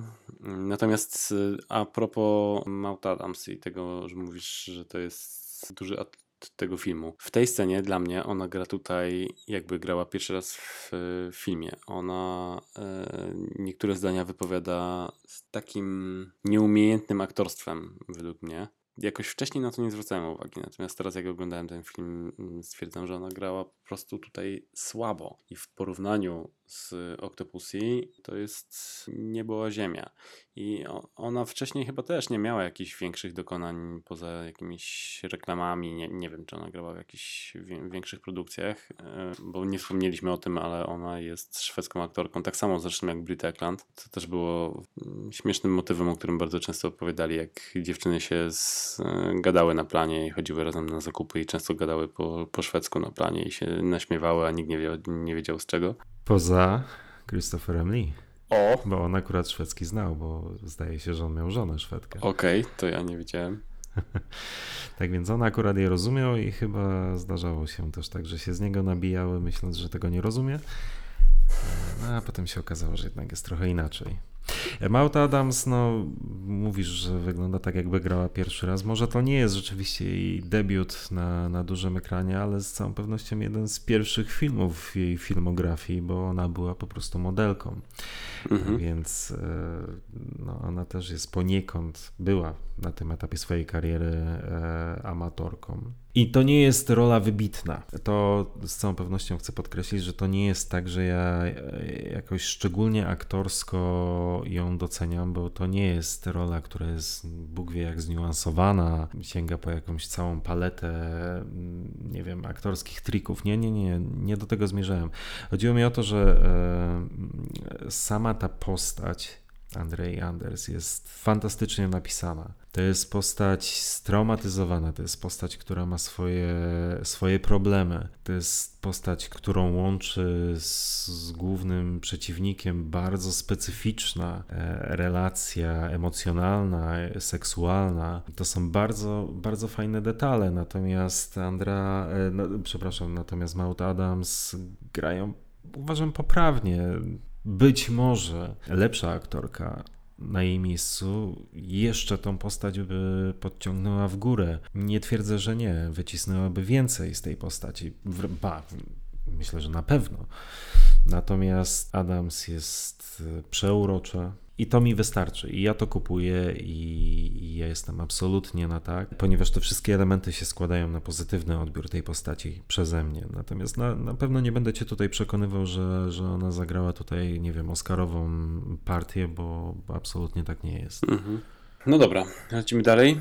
Lecimy la dalej, ale jeszcze tylko, żeby podkreślić tą, jak, jaką świnią jest w tej scenie Roger Moore, bo możemy tak, myślę, mówić wprost. Jest też to ostatnie, czy jedno z ostatnich. W sensie James, James Bond. Jaką świnią jest James Bond? Jaką świnią jest e, James Bond Rogera Moore'a, który zawsze jest e, przedstawiany jako czy opisywany jako ten gentleman e, z największą klasą z, z, wszystkich aktorów, czy jego James Bond jest gentlemanem i człowiekiem z taką klasą. Natomiast no tutaj też to ostatnie, czy jedno z ostatnich zdań, jakie mówi o, o Anders w tej scenie, nawiązując do tych złotych pocisków z Karamangi, no to mówi mniej więcej coś takiego, że być może jedną użyje na tobie, a to by była szkoda, bo są bardzo drogie. Nie byłoby szkoda. Ja wiem, że to oczywiście jest, e, to jest taki, taki zabieg e, psychologiczny, no. Psychologiczno-erystyczno-retoryczny i ja sobie z tego zdaję sprawę. Natomiast no generalnie wiesz, jeśli. Bo on tutaj bardzo przedziwną grę podejmuje psychologiczną z Anders, bo z jednej strony na dzień dobry wpakuje się niemal pod prysznic, gdzie już jakby próbuje się postawić jako w, w pozycji osoby dominującej, potem fizycznie się nad nią zdęca, niemalże upokarzając ją, potem taki grając, nie wiem, jednocześnie złego glinę, dobrego glinę, e, nalewa szampana i próbuje ją, ją jakby udobruchać, uspokoić, a na końcu jeszcze takie stwierdzenie na zasadzie, może ciebie zastrzeli, a, a w sumie byłoby szkoda, bo jednak te kule są strasznie drogie. Tak więc, no, niefajna jest ta scena, jeśli oczywiście ją rozpatrywać pod kątem tego, jaką postacią jest, jest James Bond i warto mimo wszystko o tym pamiętać, oceniając Rogera Mura, że on to nie jest tak Kryształowa postać. kryształowa postać, za jaką zwykło się go uważać. Mhm. No okej. No dobra, ale James wpada na trop, dowiaduje się, że on się dowiaduje o tym klubie do dna, Bottoms Up i o kolejnym zleceniu z Karamangi. No tak, no i on idzie do tego klubu, wychodzi z niego Gibson, Scaramanga zabija Gibsona, Nicknack kradnie ten agitator soleksowy, a Bond zostaje aresztowany przez porucznika Hipa, który zabiera go na łódź i przetransportowuje na wrak Queen Elizabeth. Tu niby jest tam mm, pr- prowadzony taki, próba wprowadzenia takiego suspensu, że tu Scaramanga celuje w Jamesa, tak naprawdę zabija Gibsona. Sus- Suspens jest tak naprawdę nijaki, tak mi się wydaje. E, Tak. Rzeczywiście możemy lecieć do, do kolejnej sceny i to, na co wcześniej nie, nie zwracałem chyba w ogóle uwagi, a tym razem strasznie y, zapadła mi w pamięć ta muzyka, która towarzyszy wejściu na Queen e, Elizabeth. I jest tam taki motyw muzyczny, który usłyszałem i mówię, kurde, to stuprocentowo znam to z, z jakiegoś innego motywu. Utwór nazywa się Hip Strip i jest tam taki motyw,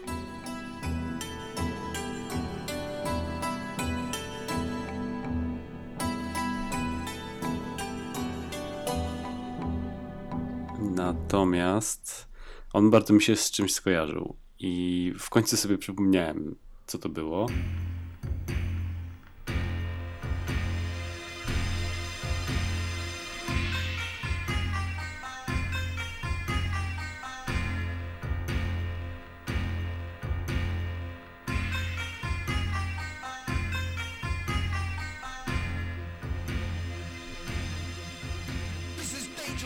I oświeciło mnie dzisiaj i mówię, kurde, Prodigy. Zacząłem wpisywać to i rzeczywiście okazało się, że Prodigy zwróciło się do Johna Barrego z prośbą o wykorzystanie tego motywu no i wrzucili go na swoją płytę do utworu Mindfields. Hmm. Wcześniej kompletnie o tym nie, nie myślałem. Dobra. Okej, jesteśmy na pokładzie Queen Elizabeth, królowej Elżbiety II, wraku statku, który rzeczywiście zatonął nieopodal Hongkongu w tych latach chyba 70. No, scena jak scena. Skoro przyspieszamy, to nie ma tam nic szczególnego, pewnie wartego wzmianki. Oprócz Ja tylko chciałem powiedzieć, że taką mini ciekawostką jest to, że wpadli na ten pomysł nagrania umiejscowienia siedziby M w, w tym wraku już na samym początku tej- tej swojej wizyty do, do Hongkongu, gdzie zobaczyli ten wrak i pomyśleli, ale by fajnie było zrobić plan obrócony o 45 stopni i tam zrobić siedzibę M. I to jeden z pierwszych pomysłów z wycieczki w poszukiwaniu lokalizacji. I, i to tyle, rzeczywiście nie ma tam nic specjalnego. Kontynuuj. Ale pomysł, ale pomysł na to jest rzeczywiście mega odjechany. E, To jest coś tak nieoczywistego, tak fajnego. Zawsze śmiejemy się z tych motywów, gdzie M po to, żeby zamienić trzy zdania z Bondem podróżuje po całym świecie. To było głupie wcześniej, to będzie głupie znacznie później. E, Do dzisiaj jest to bolączką serii. E, Natomiast sam pomysł na to, żeby wykorzystać ten wrak e, statku jako, jako bazę MI6 jest po prostu fenomenalny. A nie dość, że sam pomysł na to jest fenomenalny, to i to jest ten moment, w którym chciałem to podkreślić. Bardzo, bardzo dobra jest scenografia e, Petera Martona w tym filmie. Wiadomo, że wszyscy kocha, kochamy Kena Adama z tymi jego futurystycznymi, olbrzymimi scenografiami, jasne, ale to, co on zrobił, zwłaszcza w tej scenie, na tym statku, czy wraku statku, to jest e, pff, coś fantastycznego. To prawda i teraz dla nas y, i dla pewnie młodszych widzów może się to wydawać nie tak wielkim osiągnięciem, bo w pierwszym lepszym mieście, do którego jedziesz, czy w Zakopanem, czy w Sopocie, czy w, na Kaszubach masz dom do góry nogami, e, do którego wchodzisz na, na wycieczki i, i błędnik szaleje. E, Natomiast w tamtych czasach to był ciekawy pomysł i z tego, co też słyszałem w, w komentarzach, to gdy pokazali te plany wykonawcom tak naprawdę, to wykonawcy po prostu padali i mówili, co, oszaleliście, jak to, jak, jak to o 45 stopni przesuniętym. E, I to było bardzo dziwne i nowatorskie.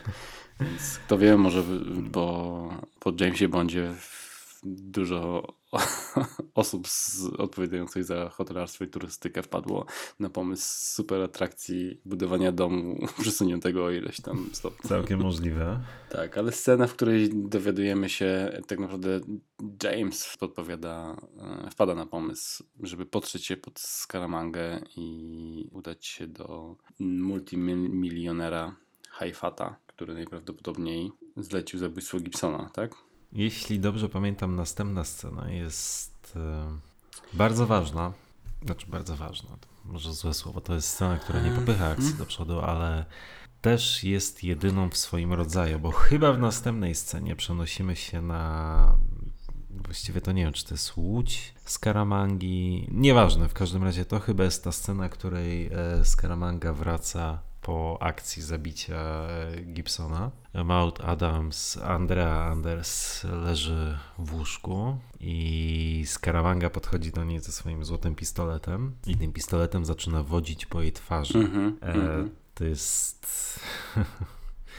I teraz nie wiem do końca jakiego słowa użyć, ale mm, ta scena jest fascynująca na swój bardzo niesmaczny sposób jest oczywiste, że ten złoty, lufa złotego pistoletu jest takim przedmiotem w pewien sposób seksualnym. Nie. Seksualnym, no mm. falicznym wręcz. -hmm.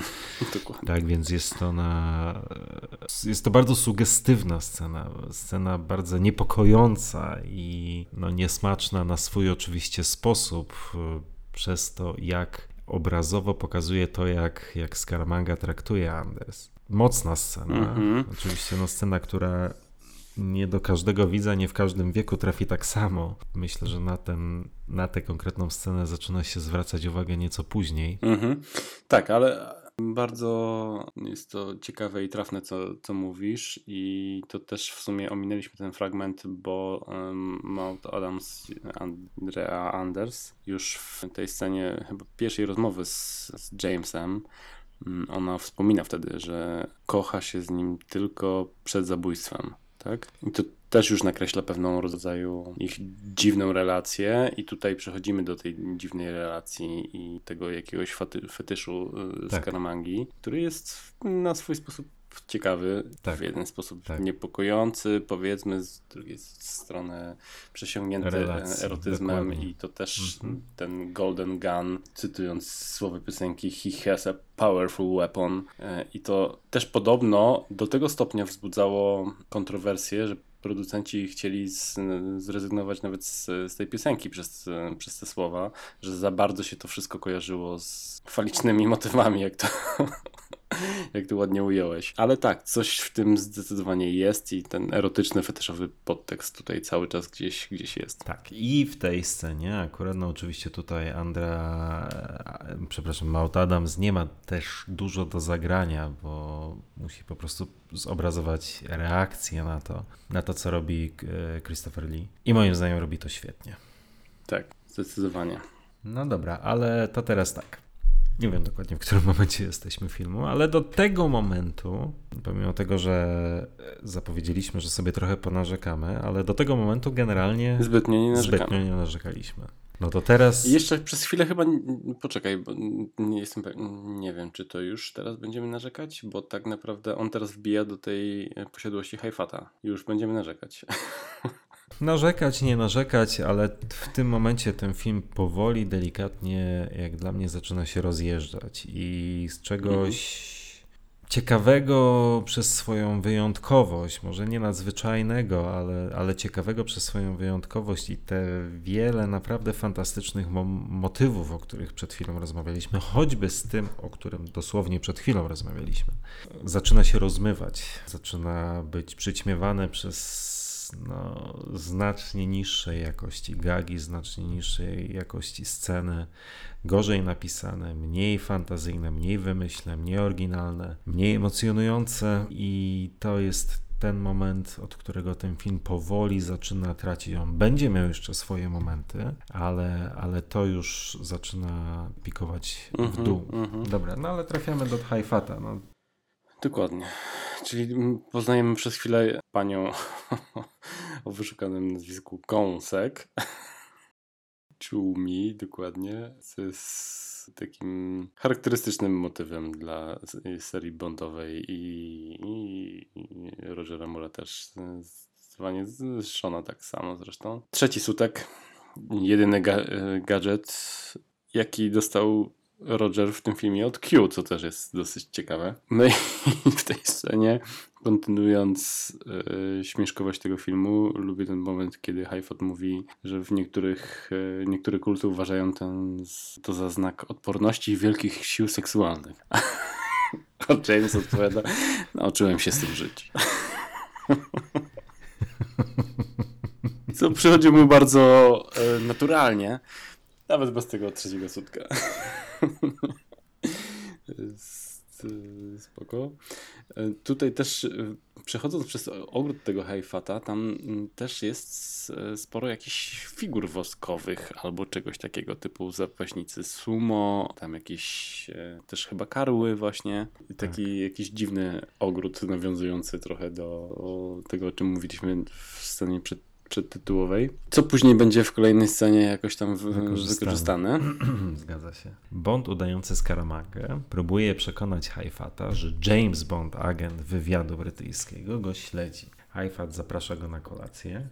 Haifat, który nawiasem mówiąc w jednej z pierwszych wersji scenariusza miał mieć brata imieniem Lowfat, ale z tego zrezygnowano. A szkoda. Kons. Czumi, high fat, low fat. Okej. Ciekawe jakby miała dzie- dziewczyna low fata na... Marcin, propozycję? Może po następnym piwie. Albo zrobimy konkurs na, ten, na grupie. O, O, dokładnie. tylko co będzie nagrodą. Chociaż Nie w tych czasach to będzie dobrym posunięciem. Może. Ale nie umieszkam zostawić to w podcaście. Okej. w każdym razie co, Bond wychodzi z, z posiadłości Haifata, delikatnie mówiąc, nie przywiązując wagi do swojej przykrywki za bardzo, bo w momencie, w którym przechodzi przez bramę, Już wyrzuca swojego trzy, Ma to już- generalnie totalnie w dupie i konspiracja jest taka, że no, ach, szkoda Mhm. gadać. No ale wiadomo, to nie do końca o to chodzi. Mhm. I podwieziony przez porucznika e, Hipa i jego siostrzenicę, o których też na pewno będziemy mówić. James udaje się na wieczór.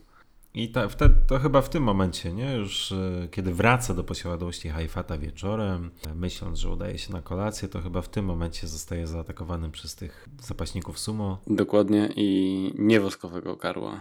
I niewoskowego karła i zostaje ostatecznie znokautowany przez, przez groteskowo przegranego, no, groteskowo przebranego, Jezus, drugi raz to nazwisko wymienić, Ech, przez Nicknaka w groteskowym przebraniu.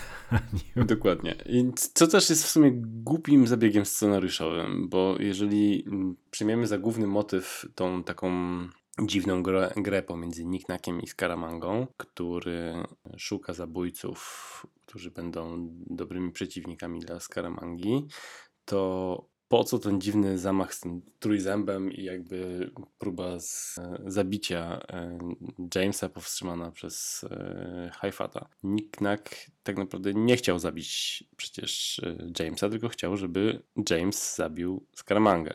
Więc po co to? Tak, tylko dla picu, no. Czepiam się, ale to tak na, na to teraz zwróciłem uwagę, myśląc o tej, o, o tej grze. To tak na rozgrzewkę do czepiania się, bo teraz już Jedziemy z grubej rury tych teraz. elementów Obiecaliśmy, że będziemy narzekać. Zaczynamy. James budzi się w szkole walki karate. i obserwuje pojedynek, jak się okazuje, na śmierć i życie.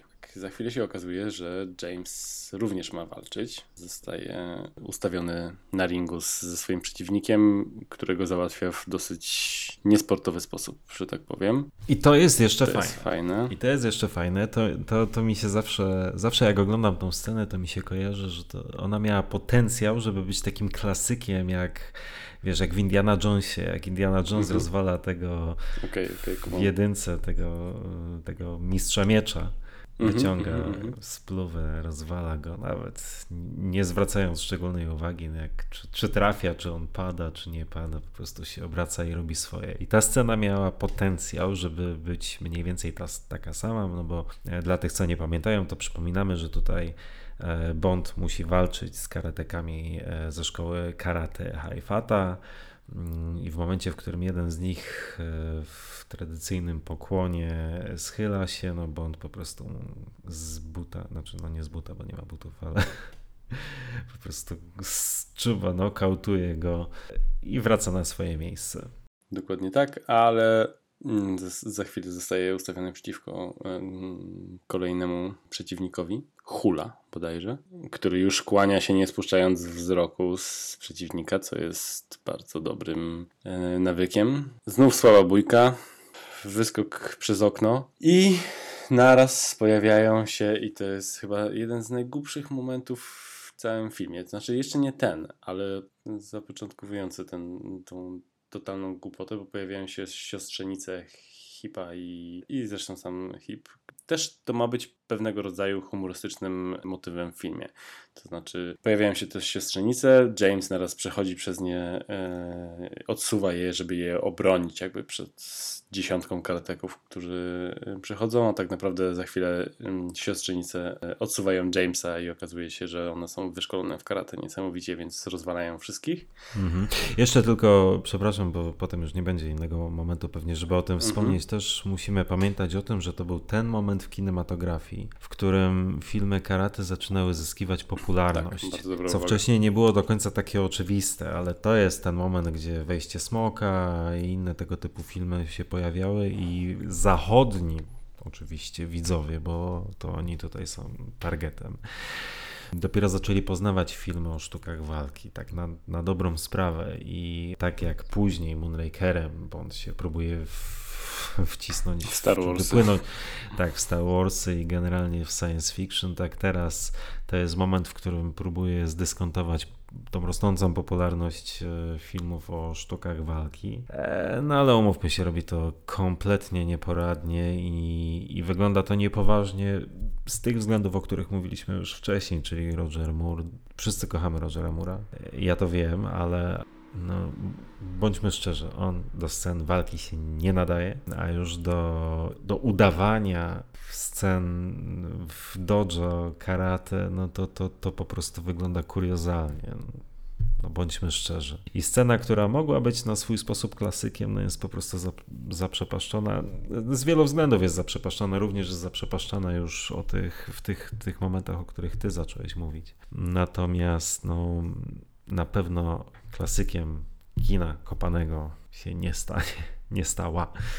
Nie, nie stała i, i na dodatek już po, abstrahując od umiejętności walki Rogera i tak naprawdę w sumie tych karateków, gdzie tutaj też cała ta scena jest mocno e, naciągana i wygląda to słabo, ale niech mi ktoś wytłumaczy, o co chodzi w tej scenie, w której mm, przylatuje porucznik Hip z siostrzenicami w odsieczy mm, do Jamesa, pokonują ilość tam karateków, uciekają do swojego samochodu, bodajże Mercedesa i odjeżdżają, nie czekając na Jamesa i teraz rozumiem, że to jest super kom- komiczny motyw, w którym y, może porucznik Hip wydaje mu się, że James już siedzi na tylnym siedzeniu, ale siostrzenice widzą, że on nie siedzi, więc mógłby się zatrzymać, James mógłby dobiec yy, i mogliby odjechać, no ale jedziemy w totalny komizm sytuacji, więc yy, ekipa ratująca To nie jest, znaczy- znaczy najgorsze, najgorsze jest to, że to nie jest komizm sytuacja, przynajmniej uważam, że to nie jest komizm,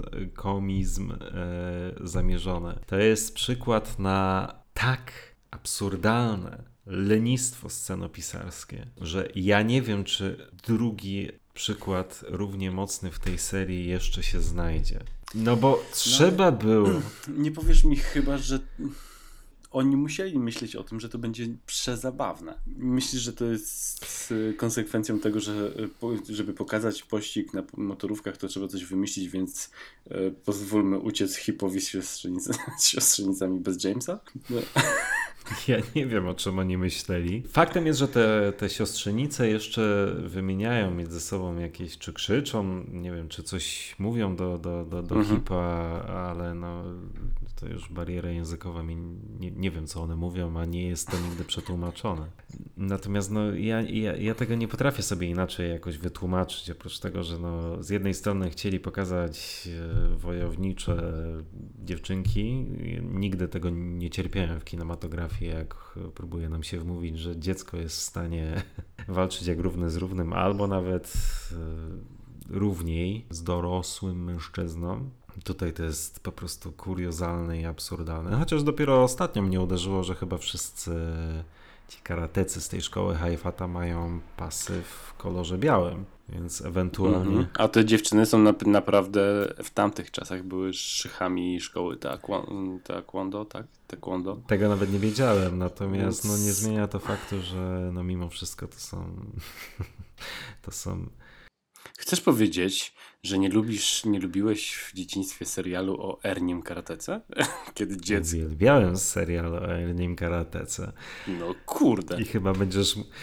I chyba będziesz musiał umieścić w komentarzu jakiś link do, nie wiem, do, do czołówki tego serialu, bo e, myślę, że sporo naszych słuchaczy nie ma zielonego pojęcia, o czym mówimy. Tak, uwielbiałem ten serial, zgadza się, ale to ja byłem mniej więcej wtedy w wieku Erniego, a nie jego przeciwników. Nie, to, to, to w tym filmie nie wyszło. Ja, wracając jeszcze do, tej, do tego odjeżdżającego Mercedesa, ja, ja nie wiem, o czym myśleli scenarzyści, czy to scenarzysta nawalił, czy no, montażysta nie, czy, czy Hamilton, czy po prostu wszyscy się byli pod wpływem alkoholu wtedy, jak kręcili tą scenę. Naprawdę nie mam zielonego pojęcia, ale to jest scena, której po prostu nie da się ani wytłumaczyć, ani nie da się obronić. Bo logiki nie ma w tym za grosz. To jest po prostu takie kuriozum, jakiego naprawdę próżno szukać w tej mimo wszystko dość takiej serii, która zasadniczo z logiką wydarzeń czasami jest na bakier, czasami mniej, czasami bardziej, no ale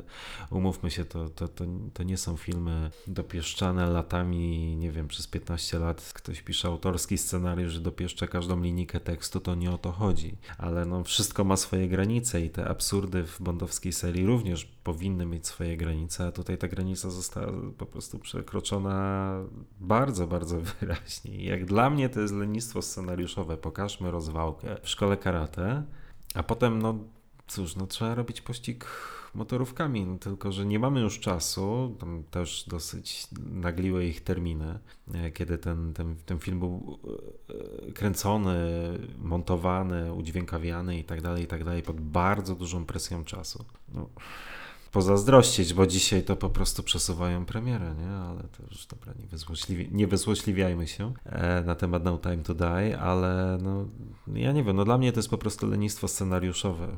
Potrzebujemy jakiejś postaci w jednej scenie, nie potrzebujemy ich w następnej, więc niech sobie odjeżdżają. Logiki w tym nie ma. Wchodzimy tu na poziom absurdu, który jest po prostu dla tej serii e, czymś zupełnie nowym, niepasującym. Na, nawet z poziomu Moonrakera nie, nie jestem w stanie Tak. e, sobie przypomnieć, czy będziemy mówić o jakichś tego typu absurdach. Absurdalnym humorze, bo ja, uwielbiam absurdalny humor, natomiast Hmm. to chyba nie jest seria, w której bym, e, bym to widział i niektóre absurdy No wszystko ma swoje granice, Ale tak. ten, ten humor jest... Znaczy to miało być komiczne, wyszło żenujące. No dobra, ale mm, James pozostawiony na lodzie wbija na jakąś dziwną motorówkę, którą można Tak, w zgadza się. może, ja nie wiem czy jest na to jakaś fachowa nazwa, ale wygląda to jak gondola z silnikiem. Tam była jakaś, gdzieś taka scena, e, o której też w, w komentarzu, to znaczy podczas nagrywania tej sceny w komentarzu wypowiadali się, że mm, przez chwilę była było sceną grozy, gdy y, Roger Moore wpadł do, do wody z, z tej gondoli. Początkowo nikt się nie bał, bo wszyscy wiedzieli, że Roger Moore jest znakomitym tym pływakiem, ale Roger za nic się nie, nie wynurzał, a ta motorówka krążyła jakby sama wokół. On czekał po prostu, aż będzie mógł y, wypłynąć, żeby ta śruba będzie w dalszym położeniu, żeby mógł się wy, y, wynurzyć. To taka mała opowiastka z planu, natomiast zaczyna się ten pościg gondolami, który jest jakiś tam, chyba nie ma się co nad tym rozwodzić, nie wiem jak, jak u ciebie. Jest tam kilka motywów, które są warte wspomnienia, typu dzieciak ze słoniem, który próbuje sprzedać e, figurkę za, e, zagranicznym turystom, którego James traktuje też w taki sposób. Przedmiotowo. Tak, to jeżeli chcesz mówić To jest o kryształowości, dżentelmenie. Tak, dżentelmenie, tak. Obiecuje coś, a potem go po prostu wyrzuca przez burtę. I, to jest akurat dość fajny humor. To znaczy, na tej scenie akurat ja się zawsze uśmiecham. Mhm. Warto też zaznaczyć, że ja nie wiem, czy to nie jest też. pierwsza w historii serii postać dziecięca. Ten, ten, ten mały chłopaczek, który próbuje sprzedać figurkę słonia. Ja nie wiem, czy wcześniej się jakiekolwiek dziecko pojawiło w ogóle na ekranie Mhm. e, w filmach o Bondzie. A już na pewno nie mówią dziecko, które ma kwestię mówioną. Kurde, masz rację, w ogóle nie, nie, nie pomyślałem o tym, ale mm, tak. O tym kiedyś rozmawialiśmy przy okazji podcastu Nie czas umierać i postaci Matyldy. e, Matyldy. Mhm. że, że rzeczywiście postaci dziecięce w tej serii z jakiegoś względu no, są pff, Pomijane. og- bardzo, bardzo, bardzo rzadko się pojawiają na ekranie. W ogóle, a już naprawdę kwestie mówione to jest ewenement. I nawet w takich scenach masowych, no być może oczywiście dzieci się pojawiają pewnie później na plaży, nie wiem, w szpiegu, który mnie kochał, no ale to, to jest trzeci, czwarty i tak głęboki plan, że, że właściwie nie, nie wart wspomnienia, no ale tak wyrazistych postaci dziecięcych, jakkolwiek to brzmi, no to w tej serii ani jeszcze nie było wcześniej, ani też no, nie będzie przez wiele, wiele kolejnych e, dekad. Tak więc to taka oczywiście tylko dygresja i ciekawostka. No i ten drugi element, o którym pewnie chciałeś wspomnieć, to JW. Dokładnie, JW. I to jest e, akurat mm, motyw, którego ja chyba zawsze będę bronił, bo ja po prostu lubię tą postać. To jest. Może już to nie wszystkich śmieszyć, je- jego postać. E, Może ktoś mieć jakieś tam, e, ale natomiast w tamtych czasach e, ta postać była też świetnie odebrana w Live and Let Die. Tutaj też się wpasowała w kulturową wycieczkę jego rasistowskie poglądy na, a, a tym razem Azjatów, a nie Afroamerykanów. Natomiast y, on mnie zawsze, zawsze śmieszył i tutaj też mnie śmieszy. Ten aktor jest po prostu rewelacyjny. Ja, to jest, nie wiem czy warto teraz o tym mówić, może teraz tylko napomknę, a więcej o nim pogadamy przy Live and Let Die, natomiast y, on tą rolę gra po raz trzeci tutaj chyba, bo w Bondzie po raz drugi, natomiast w Supermanie 2 A, Pojawił się po raz pierwszy y, jako szeryf. Tam nie wiem, czy jest wymieniony jako y, J.W. Pepper. Natomiast gra dokładnie tą samą postać. Jest dokładnie takim samym zapyziałym szeryfem. Y, I jeżeli sobie przypomnisz Supermana 2, y, polecam, to to jest dosłownie y, on, tylko w, w innym filmie. I mm, zresztą tam chyba część, już nie pamiętam, czy nie wiem, czy tam Maybaum był scenarzystą w Supermanie 2? W każdym razie jakoś część twórców była powiązanych z y, Bondem i stąd też y, Jelly W. Pepper tak się spodobał producentom, że znalazł się w Bondzie. No i tutaj pojawia się po raz drugi. I tu jeszcze jest mała scena, w której on z niedowierzaniem patrzy, czy to jest na pewno ten agent, który go przy, przyprawiał mdłości w Luizjanie. Tym razem Jelly W jest na, na wakacjach. I w tej scenie akurat kończy się to szybko. Yy, słoń go chyba wrzuca do wody, tak? Tak, i gdyby się na tym skończyła jego obecność na ekranie, to byłby to powiedzmy akceptowalny, choć bardzo wymuszony e, powrót do roli. No, ja też rozumiem, że zdobył popularność, więc no, wciśnięto go na siłę, ale wciśnięto go do, do tego filmu. Mm, Chociaż no, trudno mi sobie wyobrazić, żeby taka postać leciała na wakacje w takie miejsce. Okej, dobra, mniejsza z tym. Żona, żona chciała. Żona chciała. Żona zresztą też jest całkiem sympatyczna. Eee, to nie o to chodzi, wiadomo. Natomiast i gdyby się na tym zakończyła jego obecność na ekranie w tym filmie, to bym przyznał ci rację. Natomiast JW ma zdecydowanie, zdecydowanie za dużo miejsca ekranowego w tym filmie. I tutaj już niestety ja muszę powiedzieć, że nie. I to takie wyraźne nie. Zresztą on pierwotnym wersji scenariusza miał być tylko cameo. Tak więc być może jego rola nawet była jeszcze mniejsza niż w ostatecznym filmie. Natomiast e, no nie, nie, nie, nie, nie. Zdecydowanie zbyt wymuszona jest ta obecność na ekranie i to, to mnie zawsze gryzie. Ja tu mam trochę inne podejście, bo jeżeli już wchodzimy na poziom mm, absurdalnego humoru i humoru ogólnie, no, to ten JW dla mnie jest tutaj takim motywem, który, z którego się zawsze śmieję.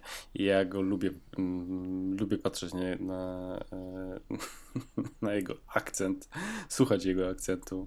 E, Lubię patrzeć na, na, na tą postać, więc nie przeszkadza mi, że on jest później, aczkolwiek rzeczywiście jest go, jest go dużo i uwielbiam tego mema, który jakiś czas temu chyba wrzucałem na grupę, gdzie jest bardzo często wykorzystywany ten motyw, gdzie leży e, dziewczyna w łóżku i myśli pewnie o mężu, który leży na boku i myśli, pewnie myśli o innej kobiecie, a, ten facet takie, taka chmurka i co, dlaczego JW na, Pepper na urlopie w Azji chciał kupować amerykański samochód. Jest ogólnie oczywiście bzdurą. Po prostu podyktowanym przez cameo. E, Natomiast ja chyba nigdy nie powiem złego słowa o tej postaci. To mnie zawsze, zawsze śmieszy. No, tak, to znaczy, no na pewno jest to pewnie, pewnie jest to postać, która w dzisiejszej kinematografii już by się na ekranie pojawić nie mogła, przynajmniej nie w takim kontekście. Chociaż, cholera wie. Mm, no jest to z całą pewnością znak czasów, e, okej. Ale nie, tak jak mówiłem, to zdecydowanie za dużo miejsca. Zresztą w Live and Let Die również, ale to przy innej okazji. No dobra, skoro przyspieszamy, to co? Scaramanga zabija Haifata i przejmuje jego biznes. I w fajnej scenie dosyć, w fajnej scenie. Tak, on tutaj Eee. Christopher Lee fajnie, pośpiesznie składa ten pistolet. Bardzo lubię ten, Tak, to, Tak, takie, jest... Widać, że przeszedł przez ochronę jakby bez, e, bez wykrycia pistoletu, więc go tutaj składa, składa go pośpiesznie i niby słuchając Zanim się Haifat Zorientuje. zorientuje, Mhm. co robi. Tak, i to rzeczywiście wyszło fajnie. dokładnie. E, Dostaje wcześniej Solex. I przenosimy się do sceny, do sceny kolacji z Mary Goodnight. Dokładnie. E, I tutaj utkwiła mi w e, głowie nazwa szampana Fujak. tak? tak Mhm. Jakoś tak. To śmieszne, jak James patrzy na tego szampana. Jest totalnie zdegustowany. No ale oczywiście to już jest moment, w którym James e, próbuje uwieść dobranockę. E, Tak, jakimiś kiczowatymi tekstami rzucając, z tego co Mhm. pamiętam. I tutaj właśnie to jest to, o czym mówiłem, sygnalizowałem już wcześniej, że to jest moment, w którym Mary Goodnight, przynajmniej ja tak to zapamiętałem, mówi mu, że nie. No Tak, to jest jedyny moment, który mówi mu, że nie, ale on trwa dosłownie sekundę, bo za chwilę już Och. bije w koszuli nocnej i zresztą sama to podkreśla, że... No sama e, to podkreśla, że kobieta zmienną jest mniej więcej. Dokładnie. Natomiast szybko zostaje wystawiona, bo okazuje się, że mm, Andrea Anders puka do, do pokoju, Dobrącka się zakrywa pod pościelą, to jest kolej, kolejnym jakimś tam komicznym motywem, potem przechodzi do szafy, a James kontynuuje swoje harce. Że Bond w tej scenie, ten, ten gentleman Roger Moore jest kolejny raz jest mega cyniczny.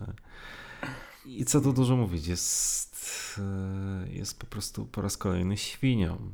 I to na kilku poziomach, bo po pierwsze Mary Goodnight zamiast wy, po prostu wykopać za drzwi, które są obok szafy, do której ją wpakowuje, to wiedząc, co się za chwilę wydarzy w pokoju, e, pakuje ją do szafy po to, żeby, pff, nie wiem, podziwiała go biła mu brawo, tego nie wiem. Natomiast to, co robi. To jest taka forma drażnienia się z, Me z Mary Goodnight. Ale no, no, mimo tak wszystko, lek... nawet nie lekko, ale dość mocno niestosowna. Dlaczego? Dla- Marcin, ty tak nie robisz? Nie robiłeś tak nigdy? Eee, jeszcze ma z tego satysfakcję świnia, nie? No po prostu. Zwłaszcza jak ją rano wypuszcza z tej szafy z cygarem bodajże w buzi, taki cały uchachany i zadowolony z siebie. Eee, no niefajne, ale też przede wszystkim niefajne jest to, w jaki sposób traktuje Anders, która przychodzi złożyć mu propozycję, która w zamian oferuje siebie, co jest, już teraz mówiąc tak na poważnie, jest przecież bardzo takim poważnym akcentem. Bardzo poważnym akcentem. No a mur, no spoko, nie? Mhm. Ale tu ciekawym jeszcze motywem jest to, że tutaj się okazuje, że to Maud, yy, w sensie Andrea, wysłała kulę do MI6 i że to ona chce, e, chciała zwabić Jamesa, żeby mm, zabił Scaramangę, co też w pewien sposób znowu mi przypomina e, Skyfall i Tak.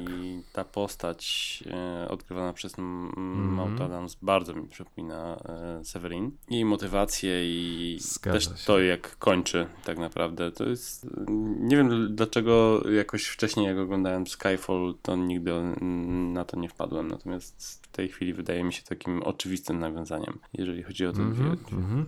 Tak, te postacie są bardzo podobne, mają podobną dynamikę w związku z czarnym charakterem, gdzie ten wątek wykorzystania seksualnego, wykorzystywania seksualnego jest bardzo wyraźnie zarysowany. Podporządkowania seksualnego może tak. No i no cóż, obu też Bond się oprzeć nie może w jednym i w drugim przypadku, natomiast no tutaj robi to w taki bardzo, bardzo cyniczny sposób i bardzo niefajny sposób. No, umówmy się, oczywiście no, wszyscy wiemy, że podboje seksualne są czymś, co definiuje filmową postać Jamesa Bonda i z tym nie ma co polemizować. Natomiast no, w tym przypadku no, ten gentleman Roger Moore podkreślam to po raz kolejny, żeby jakby to, to uwypuklić. Ten gentleman Roger Moore nie ma najmniejszych oporów, żeby wykorzystać bardzo trudną sytuację e, kobiety,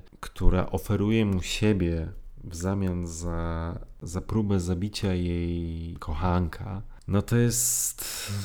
To nie jest fajny motyw i to nie jest lekki motyw i on został potraktowany, mm, znaczy tego typu motyw jak najbardziej mógł zostać wykorzystany w filmie, ja nie mówię, że nie, ale on został tak przedstawiony, jakby to było coś naprawdę no spoko, nie? No to jest kolejna rzecz, która w, dzisiejszej, w dzisiejszym filmie raczej nie miałaby miejsca i teraz ja nie jestem piewcą politycznej poprawności w filmach ale no, są pewne granice, które bolą również mnie i to jest, y, czy pewne motywy i to jest właśnie jeden z nich. Zgadza się. Co dalej? Andrea wraca na jacht. James dalej pokazuje swoją, e, swoje bycie gentlemanem i jak otwiera szafę z dobranocką, to Mhm. mówi wybacz mi, nie martw się. Twoje kolejne dojdzie. Więc to jest, e, tak, kontynuując to, co mówiłeś, lekko niestosowne i nadal e, bezsensowne, jeżeli chodzi o postać Maud Adams. Tak naprawdę, e, nie Maud Adams, przepraszam, tylko bezsensowne, jeżeli chodzi o postać odgrywaną przez Britę Eklund, bo no, jaka kobieta po czymś takim jeszcze e, chciałaby mieć do czynienia z Jamesem. No ale dobra. Kolejna scena to jest, kiedy James umawia się z Andreą na ringu, na turnieju. Na turnieju kickboxingu, tak, bo generalnie chodzi o to, że Anders ma wykraść e, agitator soleksowy od Skaramangi i mu przekazać go. Umawiają się na turnieju kickboxing, znaczy wydaje mi się, że to jest kickboxing, tak sądzę. I to jest ostatnia scena, która jest naprawdę wielka w tym filmie, bo Bond siada koło Andrei i po pewnym czasie dopiero orientuje się, że ona jest no, nie, nie daje znaku życia. Oczywiście po chwili widzi ranę postrzałową i mów co chcesz, Może to zabrzmi śmiesznie, to co teraz powiem. Ale Maud Adams świetnie gra trupę. tak. Po...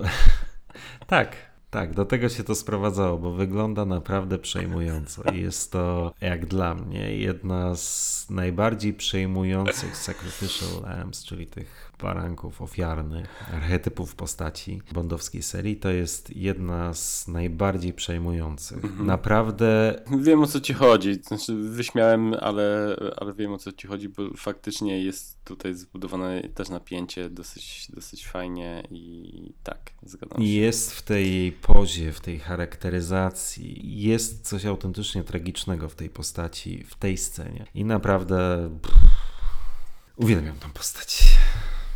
I tu znowu um, kończę podobnie jak Severin, natomiast e, Mhm. zgadzam się, ona się tutaj też wypowiadała, że to była strasznie ciężka dla niej scena, bo tam było nieprawdopodobnie gorąco, a musiała no, wstrzymywać oddech, Nie mruga. nie mrugać dokładnie i tak naprawdę jeżeli chodzi o figury woskowe bądź trupów, to faktycznie jest numerem jeden, jeżeli chodzi o grę. w tym filmie, jak nie w serii. Zgadzam się z tobą w 100%. W dialogach w tym filmie jej szło gorzej.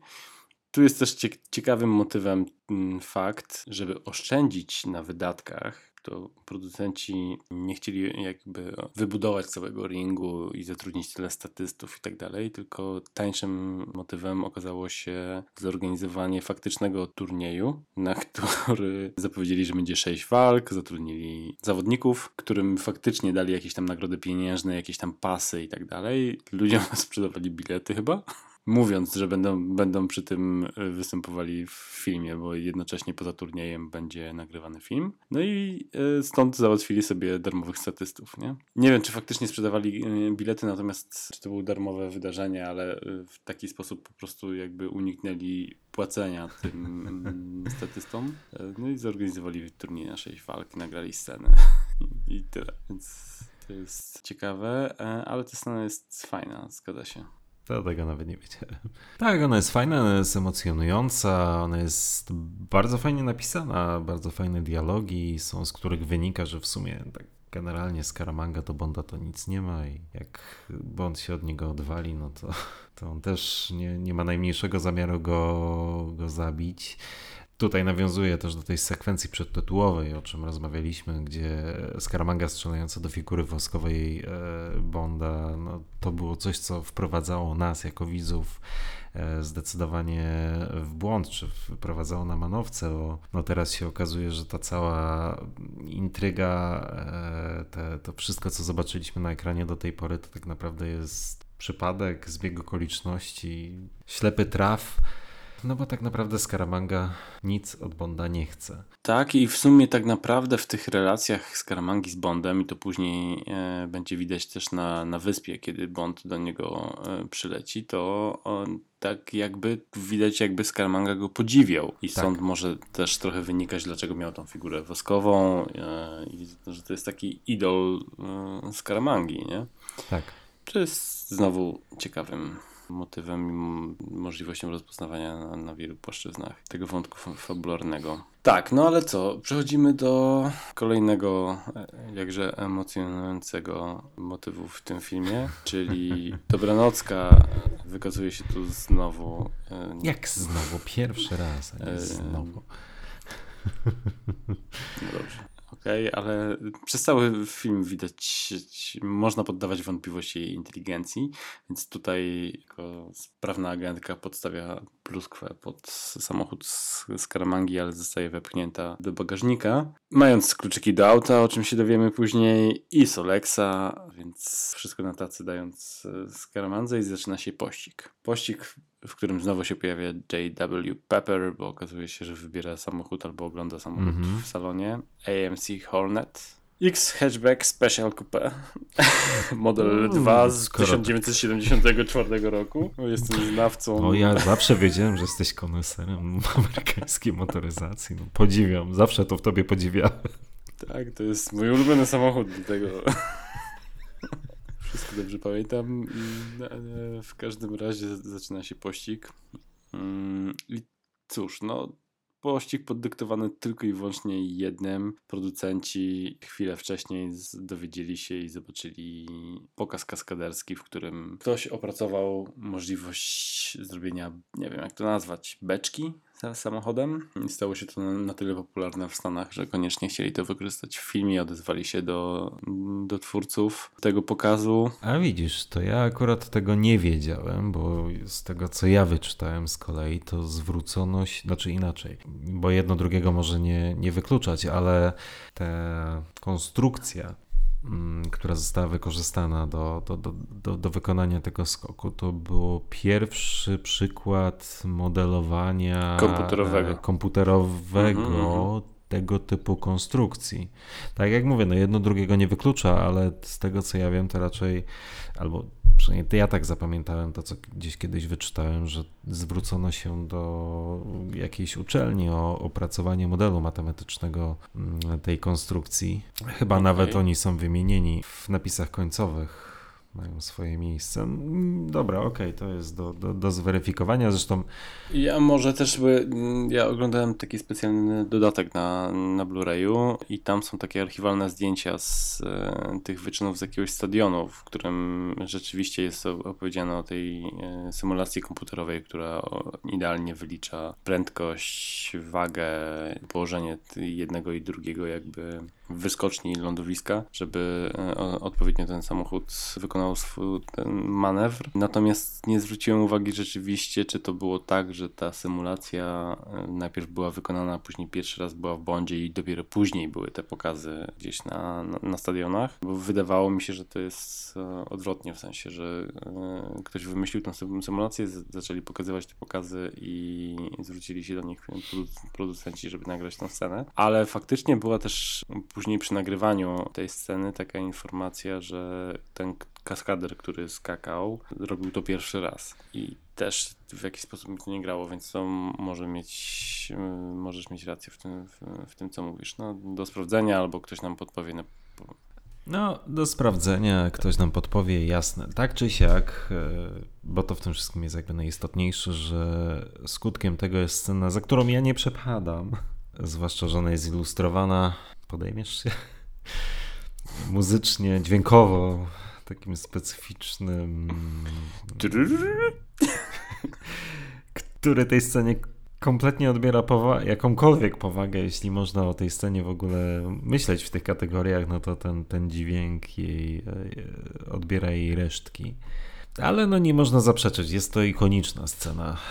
Scena, która no myślę, że większość nawet takich casualowych fanów ją kojarzy, że, że w pewnym, w którymś z filmów serii coś takiego ma miejsce. No i też niestety, to co też świadczy pewnie o samym filmie, myślę, że jeśli kogoś zapytać, z czym ci się kojarzy The Man with the Golden Gun, no to, to może być często pierwsza, pierwsza rzecz, która komuś przyjdzie do głowy, a to niestety no już akurat raczej nie najlepiej świadczy o samym filmie. Tak, no to znaczy jedno trzeba przyznać, to jest rzeczywiście perfekcyjnie wykonany motyw kaskaderski. Fajne też i też siłą tej serii w pewnym mo- momencie było to, że filmie zawsze pojawiał się jakiś taki motyw, który był wykonany faktycznie, nie za pomocą jakichkolwiek efektów, tym bardziej w tamtych latach, e, który robił wrażenie. I tutaj rzeczywiście to, to druga rzecz, która mi się przypomniała, która jeszcze e, tym bardziej potwierdza e, Twoją teorię, że to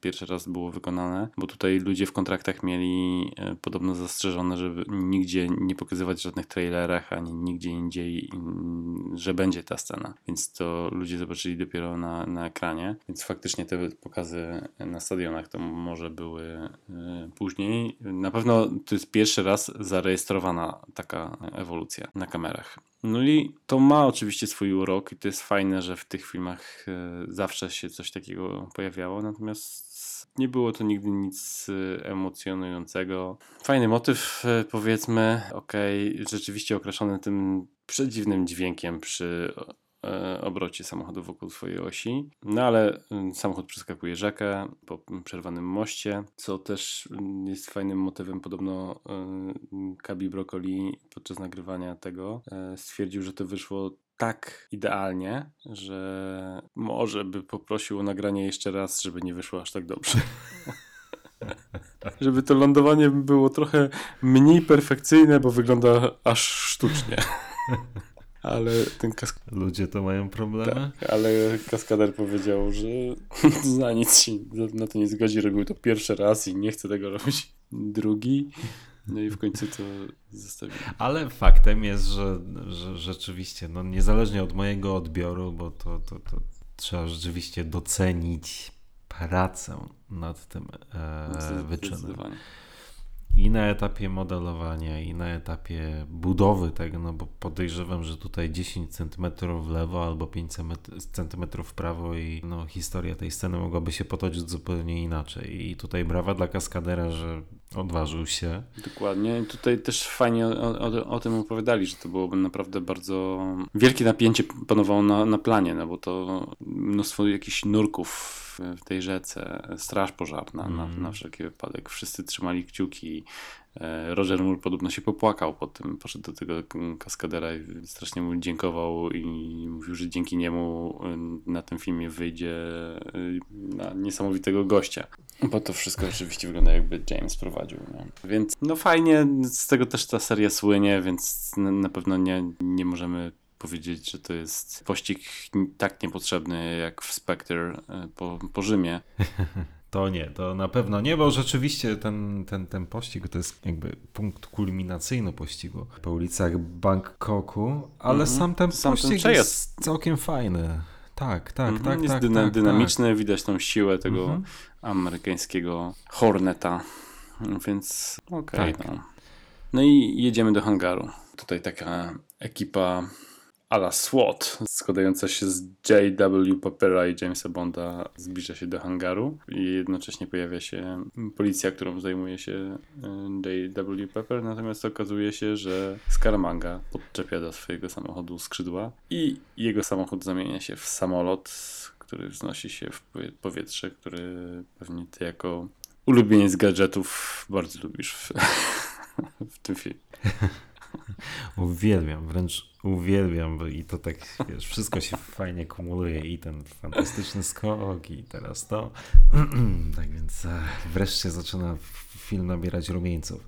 Nie, oczywiście masz rację, nie cierpię tego motywu z tym samolotem, samochodem z podczepionymi skrzydłami. Po prostu nie cierpię tego. Nie widzę tego, nie widzę sensu. Znaczy wiem, sens jest jeden, efekciarstwo ale to jest ten rodzaj efekciarstwa, którego ja nie lubię i nie kupuję mhm. w tej serii, tak więc tak, to tutaj już te wszystkie takie mm, nieulubione przeze mnie motywy zaczynają się tak niebezpiecznie nawarstwiać. Mhm. Ja, co dziwne, jako młody fan Jamesa Bonda, nigdy to mi nie przeszkadzało, wręcz lubiłem ten motyw tak naprawdę. Teraz to też nie jest coś, na co bardzo narzekam, bo wiem, że ten film jedzie po bandzie. Y, natomiast ten film jest o tyle dziwny, że nie może się zdecydować pomiędzy jechaniem po bandzie, a byciem zwykłym filmem, nie wiem, sensacyjnym, szpiegowskim, czy... No właśnie. I uderzaniem w całkiem poważne, poważne tony momentami. Więc ja bym wolał albo jedziemy cały czas po bandzie, jak prawie że w Moonrakerze, niż coś takiego, jak zostało zrealizowane tutaj. Że jako ciekawostkę, teraz się trochę powymądrzam, ale to oczywiście wszystkiego się dowiedziałem dopiero przygotowując się do tego podcastu, że tego typu konstrukcja istniała. To się nazywało AVE Mizar. Dwóch konstruktorów opracowało model latającego samochodu, który rzeczywiście no, spełniał swoją rolę i miał zostać wykorzystany e, w tym filmie. Ci konstruktorzy, ta dwójka konstruktorów miała wykorzystać swój wynalazek właśnie w tej scenie. No, ale z, zabili. Ale się zabili w swoim wynalazku. Słyszałem o tym. Tak więc słuchaczom wyjaśniamy, że nie wiem, czemu się śmiejemy ze śmierci tych biednych konstruktorów. Ale jest w tym taka jakaś przewrotność losu. ludzkiego losu. To prawda. To prawda. Bardzo ten współczuję. Faktycznie. Wydaje się to w pewien sposób śmieszne. Co ciekawe, jak z reguły w tego typu gadżetach w, yy, operowali na miniaturach, tak w filmie faktycznie skonstruowali yy, konkretne skrzydła, które podczepili pod samochód i nagrywali jak jedzie z tymi skrzydłami yy, i tam w pewnym momencie to było wręcz niebezpieczne, bo faktycznie zaczął się odrywać samochód od, od ziemi i tak naprawdę dopiero ten moment, w którym w filmie samochód startuje. Tam jest jakieś takie cięcie montażowe i zamiana tego faktycznego modelu z e, realnymi skrzydłami na, na miniaturowy model. I w powietrzu już wi widzimy miniaturowy model. Aczkolwiek muszę przyznać, że e, już abstrahując od tego, jak samej koncepcji na to rozwiązanie ja nie lubię, to muszę przyznać, że to na ekranie wygląda naprawdę imponująco. I w tej scenie startu, a i też później, kiedy ta awionetka, jeśli tak to można nazwać, jest filmowana od tyłu, która leci między tymi mm, charakterystycznymi skalnymi formacjami wokół tych wysp Phuket. Phuket. To to wygląda naprawdę imponująco, jak na lata, w których to zostało nakręcone. To do dzisiaj wygląda to całkiem naprawdę nieźle. I tutaj no, uznanie dla twórców. Tak jest. No ale rzeczywiście przechodzimy później do tego, o czym wspomniałeś, czyli do M i zdawania raportu przez Jamesa. I bardzo lubię początek tej sceny, bo on jest chyba jakby pomijamy ten fragment, w którym James opowiada o tym, co się stało, tylko widzimy minę M, która jest wręcz tak jakby szczena mu opadła i nie, nie jest w stanie uwierzyć w to, co słyszy. I jego mina jest po prostu bezcenna w tej, w tej scenie. Natomiast potem szybko ruszamy hydroplanem do bazy Skaramangi, poniżej radarów, żeby nie zostać wykrytym, ale oczywiście, że znaczy nie oczywiście, tylko w scenie następnej e, okazuje się, że momentalnie zostaje wykryty. Trzeci akt. Bond ląduje na wyspie, na której mieszka Scaramanga, na której Scaramanga ma swoją bazę. Filmowane to było na wyspach Phuket. Wiesz co, zanotowałem tą nazwę, ale wybrnąłem z tego, nie? Ja mam tajlandzka wyspa Koping Kan. Tym niemniej, no dzisiaj to jest dość popularne miejsce e, turystyczne, atrakcja turystyczna. Wówczas to było raczej mm, nieznane. Mhm. Dzisiaj ma o wiele Widzą. łatwiejszą nazwę, bo nazywają to podobno Wyspa Jamesa Bonda.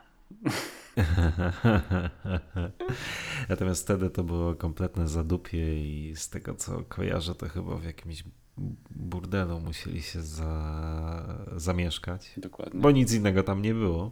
Dokładnie tak. Ale tak, no rzeczywiście plener, tak mówiąc już na poważnie, plener do filmu o Jamesie Bondzie wybrany został po prostu idealnie. To jest coś naprawdę wyjątkowego. To jest miejsce wyjątkowe, świetnie wygląda na, e, na ekranie, robi wrażenie. Było to miejsce, które było poza zasięgiem, myślę, zdecydowanej większości ówczesnych widzów. Dzisiaj wiadomo, świat się znacząco skurczył i trochę inaczej to wygląda, natomiast wówczas no, było to miejsce jedyne w swoim rodzaju, znaczy do dzisiaj jest miejscem jedynym w swoim rodzaju, ale poza zasięgiem większości, większości widzów, no, z tego ta seria zasłynęła również i, i miło, że w tym filmie e, ta, ta, ta tradycja jest kultywowana. Dokładnie tak. Aczkolwiek jedno jeszcze, co chciałem powiedzieć o tym domu publicznym, o którym mówiłeś, w którym była ulokowana e, ekipa filmowa. Tam też to e, wybrzmiewa w dodatkach bodajże i też czytałem o tym w książce Michała. To jest bardzo ciekawe, jak producenci tutaj nie szczędzili kasy na tego typu lokacje na przykład, żeby zakwaterować ekipę filmową w e, domu publicznym, no to musieli załatwić wolne wszystkim prostytutkom, które tam stacjonowały, więc dostały odpowiednią jakby garzę za te e, noce, w których udostępniły swoje pokoje ekipie, ale podobno warunki były tam masakryczne, ale to też jest ciekawa forma wydawania pieniędzy, nie? że producent musi zastanowić się, gdzie ulokować ekipę, więc musi zapłacić iluś tam nastu albo kilkudziesięciu prostytutkom za dwie noce, powiedzmy, nieobecności w domu, w burdelu. I potem weź się tłumacz, nie wiem, przed skarbówką, która ci pada. wydatki. Dokładnie. Tutaj bardzo często można było usłyszeć o tej. To, to, mi się podoba akurat w kontekście opowieści o e, Brokolim. On był takim hojnym producentem podobno i tutaj bardzo często e, za na przykład ten udany e, popis kaskaderski, o którym mówiliśmy, że dał jakąś tam mega pokaźną premię kaskaderowi. Albo tutaj właśnie kwestia tej kasy dla, dla prostytutek, albo gdzieś tam in, innej ekipie coś tam fundował. Czy takie rozwiązania jak właśnie zorganizowanie tego turnieju, nie, o którym mówiliśmy, to są w ogóle takie rzeczy naprawdę wow, jeżeli chodzi o, o producenta. Tak, albo no, nawet takie bardziej prozaiczne kwestie, jak nie wiem, zabieranie całej ekipy na, na kolację do restauracji. Mhm, dokładnie. Rzeczywiście, no myślę, że bardzo, Brokoli bardzo dbał o, o tę, nie wiem, no wręcz rodzinę czyli całą ekipę, która, która pracowała na, na sukces Bonda. Tak, tu jeszcze jedno, co mi się przypomniało, to była taka historia odnośnie tego Macau i już nie pamiętam, w co oni tam grali, w Blackjacka? Nieważne, w każdym razie ta scena, w której koszyczkiem podawali naboje do, do Mount Adams, to podobno ekipa się tak wpuściła w e, hazard w tych rejonach, że całą swoją garzę byli w stanie przepuścić tam, więc nawet chyba zdecydowali się na in, inną formę wypłacania pieniędzy, żeby nie, nie, nie stracili wszystkiego naraz, to dostawali tam w jakichś odstępach kasę. No a druga sprawa to, że zawsze Roger Moore e, też uwielbiał hazard poza planem zdjęciowym i tam też bardzo często podobno grali z Brokolim i bardzo często była taka sytuacja, że ktoś przychodził, bo była scena, w której Roger miał nagrywać i mówi, Roger, jesteś proszony na plan, a Broccoli mówił, nie, nie teraz, bo już, już mam tego skurczybyka. I próbował się na nim odgrywać. Super się o tym słucha i czyta. No dobra, ale wracamy do finałowego pojedynku. I tutaj jest to, o czym wspominałem wcześniej, czyli widać tą ekscytację po Scaramandze, że ma godnego tak. przeciwnika. Jest taki rozluźniony. Ale ta ekscytacja w pewnym momencie jest manifestowana w taki wręcz no niemalże dziecięcy sposób. Mm -hmm, który mi nie do końca współgra z, e, z tą postacią. No ale okej, okay, no detal, nie będę się czepiał, tak. bo właśnie to zrobiłem, więc... No, tu widać, że to on się nieprawdopodobnie jara tą sytuacją i tym, co będzie, rzeczywiście wychodzi z niego takie tak. dziecko, trochę jak ja, jak rozmawiam o Bondzie albo kupuję filmy, więc rozumiem tego e, Okej, okay. natomiast jeśli rzeczywiście pierwsza koncepcja na ten film była taka, żeby pokazać Scaramanga i Bonda jako mm, w pewnym sensie odbicia lustrzane, znaczy ludzi, którzy są bardzo do siebie podobni, mm -hmm. tylko po dwóch mm -hmm. stronach barykady, to, to no to myślę, że w tym momencie to już się to rozmywa i to już takie porównanie już chyba nie do końca ma sens w tym momencie filmu. Mhm. Pomimo tego, że w tej całkiem fajnej rozmowie, e, która ma miejsce przy obiedzie, kolacji, kolacji, o prowadzaniu, a potem przy kolacji, ona jest nieźle napisana i próbuje się nam jeszcze to wmówić to Murph Bond fajnymi słowami kwituje, co ich różni, ok.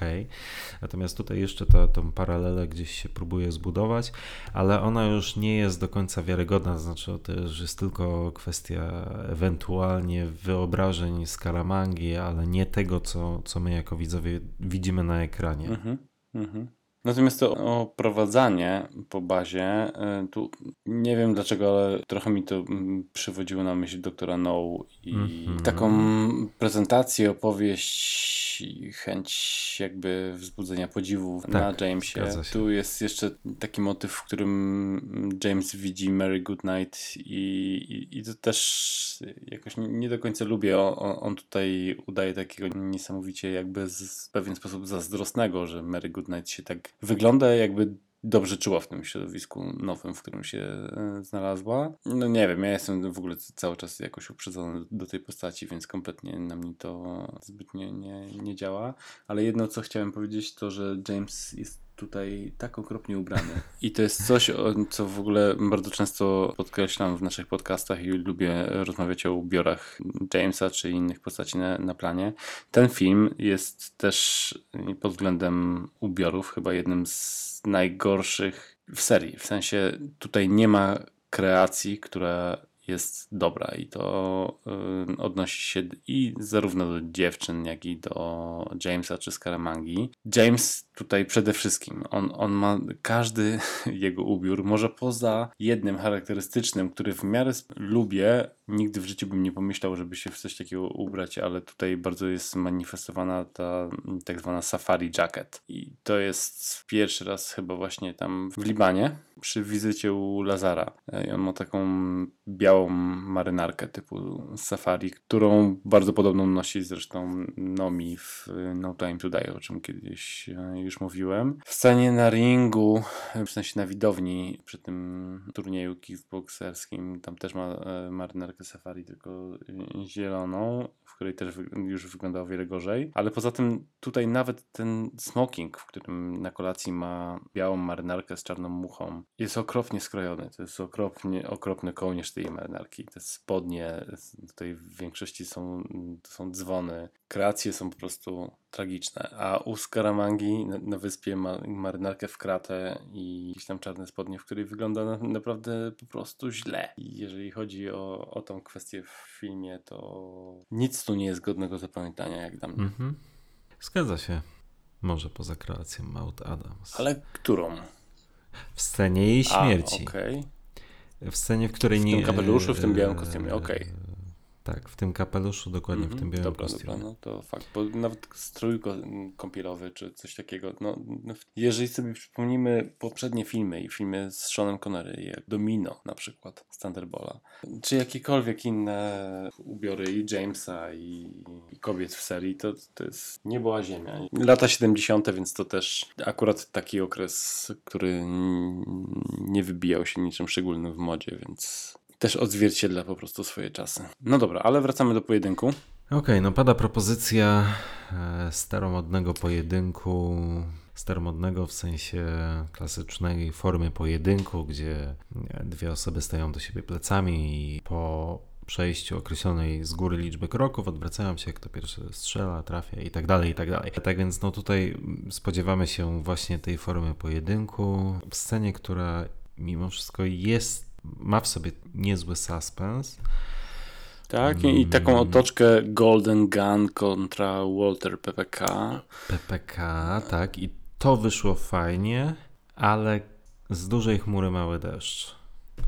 Ja wiem, że film skończyłby się stanowczo za szybko, e, gdyby w tym momencie jeden z nich trafił drugiego, ale mimo wszystko ten pojedynek był naturalną konsekwencją, myślę, tego, co do tej pory się dowiedzieliśmy o Skarmandze, a Bond się obraca, okazuje się, że nikogo nie ma. No nie, no nie. No tak, no ale e, wracamy do sceny przedtytułowej, w sensie do, do scenerii z, e, ze sceny przedtytułowej, no i mamy ten pojedynek w tym psychodelicznym pokoju. Tak, to było oczywiście z... i to była zapowiedź oczywiście tego, co zobaczymy w finale. Zgadza się, natomiast no ja osobiście odczuwałem zawsze niedosyt. Po tej... Znaczy, część mnie wiedziała, że tak się ten film nie mógłby skończyć, mm, bo to by było zbyt proste, ale, ale mimo wszystko czułem zawsze niedosyt. Jednak to jest coś, co by się idealnie wpisywało w ten pojedynek między nimi i było czymś wyjątkowym. Mm, a w zamian dostajemy w ciekawej scenerii, ale taką powtarzalną, schematyczną scenę, która już według mnie nie potrafi wzbudzić tego poziomu emocji, jaki był jeszcze przed chwilą i tego suspensu. Tylko przeciąga to, co nieuniknione. Mhm. To w jakiś sposób e, spróbujecie osłodzić tę scenę. Mm, mogło być gorzej. I teraz tutaj zacytuję e, fragment z książki Michała Grześka. Harry Saltzman zaproponował e, nieco inną wizję pojedynku dwóch filmowych przeciwników. Miał on przyjąć formę pościgu na słoniach. Producent zamówił już nawet dwa i pół tysiąca par specjalnych ochraniaczy nakładanych na stopy zwierząt, nie informując jednak nikogo o podjętych przez siebie krokach. Podczas pracy przy zdjęciach zdumiony Albert Broccoli otrzymał informację o dostarczeniu potężnej partii towaru, ale zniesmaczony całym zamieszaniem odmówił przyjęcia przesyłki. Więc słuchaj, jeżeli masz w perspektywie tego pojedynku do wyboru klasyczny pojedynek, który się kończy tak jak się kończy, a pojedynek Skaramangi i Jamesa Bonda na słoniach, no to proponuję zacząć doceniać to, co zostało wybrane. Tak, niniejszą właśnie doceniłem. Jest ciekawe, ale tak, rzeczywiście ten pojedynek jest odrobinę rozczarowujący. On podobno został mocno pocięty w montażu. Tam też nie zdążyłem tego sprawdzić, ale to myślę, że będzie fajną gratką zarówno dla słuchaczy, jak i dla nas, jeśli o tym nie wiedziałeś, bo ja o tym na, na przykład nie wiedziałem. E, I podobno w oficjalnym trailerze do, do filmu e, widać sceny, które zostały wycięte. E, między innymi jakiś motyw, w którym James rzuca koktajlami Mołotowa, żeby wywabić Scaramangę z, z ukrycia, czy coś takiego gdzieś w tej, czy w tej bazie, czy, czy na Aha, i chyba wtedy się okaza... miało okazać w tej scenie, o której ty mówisz, że Scaramanga oszukuje, to znaczy on tam nie ma jednej kuli w tym pistolecie, Okay. tylko ma ich więcej. To, to nie wiedziałem. Rzeczywiście, taka scena chyba została albo nakręcona, tak. To to akurat coś mi się obiło uszy. Więc to jest ciekawe. Ciekawy jestem, czy gdzieś taki materiał jest może nagrany i może go kiedyś zobaczymy. Natomiast samo rozwiązanie tego, tej sytuacji, mimo tego, że w pewien sposób przewidywalne, to lubię tą podmiankę woskowej figury na, na Rogera. Tak, to jest pomysłowe. To jest fajne. No ale tak jak mówisz, no nie jest to nic, nic wyszukanego. No i co, szybko przechodzimy do rozwałki bazy, która jest spowodowana znowu pewnym, no może, no, może Mary Goodnight nie mogła do końca wiedzieć, że spowoduje aż taką eksplozję. Natomiast. Eee, no tak, to jest też ten element, o którym mówiłem wcześniej, że po to, żeby uderzyć w jakieś takie humorystyczne akcenty, zahaczające nieco nawet o slapstick, no biedna Mary Goodnight jest dość mm, słabo potraktowana przez scenarzystów, ale ja tylko jeszcze chciałem wrócić na sekundkę do sceny zabójstwa czy śmierci Skaramangi, bo też mi strasznie dużo czasu zajęło, zanim dotarło do mnie to, że to jest pierwsza i jedyna ofiara Bonda w tym filmie. On wcześniej do tego momentu nikogo nie zabił. Przez dwie godziny filmu James Bond nikogo nie zabił. Kurde, masz rację. W ogóle nigdy na to nie zwróciłem uwagi. I chyba myślę, że nie ma drugiego filmu, znaczy jestem pewien, że nie ma drugiego filmu w tej serii, w której tak mało osób ginie, Mhm. a już na pewno z ręki Jamesa Bonda. Co w sumie jest też ciekawe, bo w filmie, ten film jest po prostu pełen sprzeczności. Z jednej strony mega efekciarstwo, w które aż się prosi, żeby wpisać jakieś, wiesz, spektakularne strzelaniny. No ale tego nie ma. Scaramanga jest pierwszą i jedyną ofiarą Bonda w tym filmie. Rzeczywiście, w ogóle kompletnie o tym nie pomyślałem, że tutaj licencja na zabijanie Jamesa jest tak słabo wykorzystywana. Tak więc taka ciekawostka. No pewnie w tym filmie też ginie ten, Mhm. ten obleśny facet z obsługi.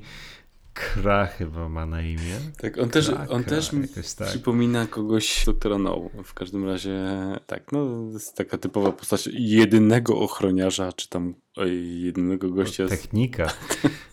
Obsługa. Nie obsługi wiem, na, na, wyspie. A jeżeli chodzi jeszcze o obsługę, Chociaż szczerze mówiąc nawet nie pamiętam co się z nim dzieje. wiesz co, właśnie Mary Goodnight go zrzuca do jakiejś Czy tam Mary- kadzi, On, kadzi ona, tak. I przez co jest No, no, wybuch no. tej bazy, bo podnosi się ten, temperatura i następuje jakaś tam eksplozja. Natomiast jeszcze jedno, co mi się przypomniało, jeżeli chodzi o obsługę wyspy, to Niknak, jak wiemy, jest też kucharzem, który donosi nie tylko drinki i tabasco, tylko też y, pewnie gotuje. I tym bardziej jest to uwidocznione w scenie, w której widać, jak y, Niknak wchodzi do kuchni i dopiero teraz na to zwróciłem uwagę. Tam jest taka mini kuchnia zbudowana specjalnie dla Nicknacka. A to tego Tam jest blat na jego wysokości. Nie? To jest między innymi też jego centrum dowodzenia, z, którego on podgląda całą, ca- całą sytuację i też ma ten swój panel kontrolny, w którym zamienia jakieś światła i włącza różne jakieś dziwne motywy w tym pokoju. Dobra, Bond z Mary odpływa i w międzyczasie jeszcze, ponieważ za mało mieliśmy do tej pory emocji, więc okazuje się, że Nicknack przedostał się na statek, którym płyną i jeszcze jesteśmy świadkami groteskowej potyczki z tym karłem, który ostatecznie zostaje zamknięty, uwięziony. Na początku jest jakby zasugerowane, że go wy- wyrzucił za burtę, nie? I każdy myśli, że Mhm. Nicknack wylądował po prostu w wodzie, a wylądował w bocianim gnieździe. Nie wiem, jak to określić. Klatka na bocianim gnieździe. Zgadza się. Tak, ale jeszcze jedno teraz, bo tu już na pewno nie będzie innego momentu, ale jedno, co mi się przypomniało, to ten aktor podobno bardzo lubił się bawić i wieczory spędzał zazwyczaj w burdelach. W pokoju hotelowym zawsze z e, inną kobietą e, gdzieś tam kończył, natomiast bardzo często podobno lądował na planie taki totalnie niewyspany i wyglądający tak, że zas- zastanawiali się, czy jest sens skręcić z nim, z nim sceny, więc to był taki mocno imprezowy gość. A jednocześnie chyba miał jakąś tam a, duszę artystyczną i malował obrazy i ciekawa osobowość. Ciekawa osobowość, ciekawa postać, bo właściwie też chyba o nim nie podsumowaliśmy.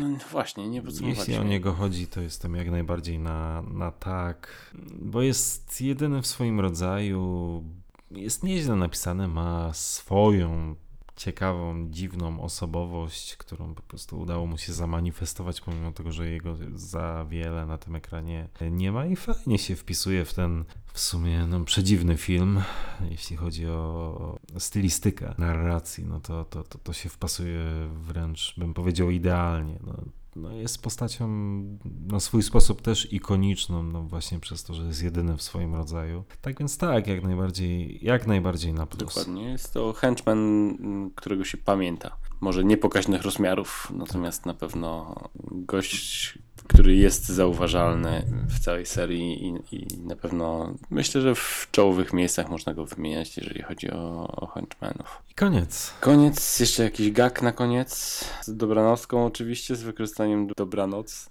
Good night. I koniec. I koniec. 3 godziny 35 minut. Niewiarygodne. Podsumowanie. Podsumowanie. No, W zasadzie ja nie wiem dzisiaj, co dodać, co powiedzieć więcej o tym filmie, czego, o czym nie mówiliśmy nie, i czego już nie powiedzieliśmy. No, ten film ma, ma dwa oblicza. Bardzo złe i, i bardzo dobre. I pewnie też jest coś w tym, że w zależności od nastroju, w jakim się go ogląda, bardziej doceni się te, te słabe, umówmy się, a innym razem detale, ale świetne detale. Ciężki, bardzo ciężki film w ocenie, ponieważ ja nie jestem w stanie go jednoznacznie określić jako złego. Z całą pewnością nie jest to film jednoznacznie dobry i jako całość ten film nie jest na pewno tak dobry, jak e, suma poszczególnych jego elementów. Mhm. Tak, ja nawet nie wiem co dodać. E, To jest ewidentnie film, który umiejscowiłbym na tych e, ostatnich miejscach e, w moim głównym rankingu. Kiedyś myślę, że spokojnie powiedziałbym, że o wiele mniej lubię Die Another Day na przykład. W tej chwili wydaje mi się, że Another Day cenię wyżej nawet niż The, the Man with the Golden Gun. Co prawda nie pokazuje tego ten mój ranking na Filmwebie, bo Die Another Day w tamtych czasach wystawiłem szóstkę, a The Man with the Golden Gun siódemkę. Myślę, że teraz spokojnie mógłbym to zamienić. W sensie siódemka dla Die Another Day, a, a szóstka dla e, The Man with the Golden Gun. Mało zapamiętywalnych motywów, okropne kreacje, mało jakichś takich rzeczy, które możemy wy- wymieniać w wizytówce serii. To jest tak, myślę, że ten film, tak jak też już to być może mówiłem, to na pewno nie jest mm, w moim prywatnym rankingu najsłabszy film tej serii. Natomiast o ile z przyjemnością go oglądam, kiedy powiedzmy powtarzam sobie całą serię odcinek po odcinku, o tyle nie sądzę, żeby był to film, który sobie włączę, kiedy miałbym ochotę sobie Mhm, obejrzeć mhm. jakiś film o Bondzie. To na ten prawie na pewno się w takiej sytuacji nie zdecyduję. Tak, dokładnie mam to samo. Jeżeli miałbym naraz taką chwilę, a obejrzę sobie jakiegoś Bonda, to albo nawet obejrzę sobie jakiegoś Bonda z Rogerem Murem, to myślę, że to by byłby ten Ostatni wybór. ostatni wybór. Ale z drugiej strony bardzo ciekawe jest to, że y, mimo takiej y, naszej opinii, to jednak y, ten film zyskuje fanów. Niektórzy z nich uważają go za na przykład najlepszy z serii. Jak jeden z kolegów z naszej grupy, Mikołaj, który ostatnio często się udziela na, na grupie, ro- robił ostatnio powtórkę z wszystkich Bondów i, i ostatnio widziałem jego ko- komentarz mówiący o tym, że to jest jego ulubiony Bond. Więc kurczę, no ten film jednak musi mieć w sobie coś takiego, że też zjednuje sobie widzów i bardzo chętnie bym poczytał komentarze na ten temat pod naszym podcastem. Mam nadzieję, że Mikołaj odsłucha nasz, nasz odcinek i podzieli się z nami e, swoimi wrażeniami i jeżeli ktokolwiek z Was ma też inne wrażenia co do, do tego filmu, to bardzo chętnie usłyszę wa Waszą opinię. Koniecznie, koniecznie. No nic, nie pozostaje nam nic innego jak twój ulubiony moment podcastu.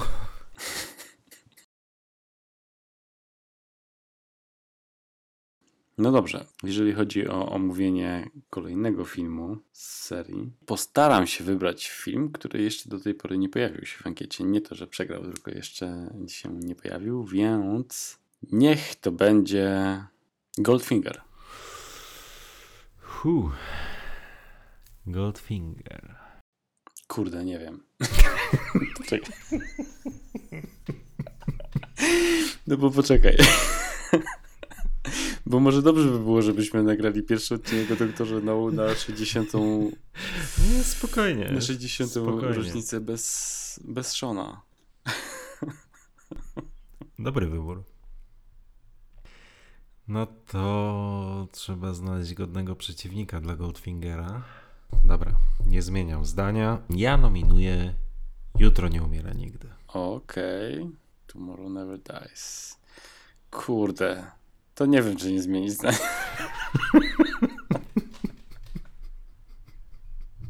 Regulamin nie pozwala.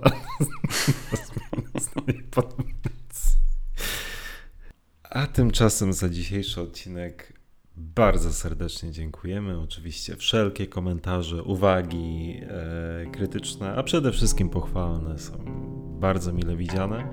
I cóż, James Bond Team.pl powróci. James Bond Team.pl powróci. Dzięki wielkie. Dzięki. Do usłyszenia.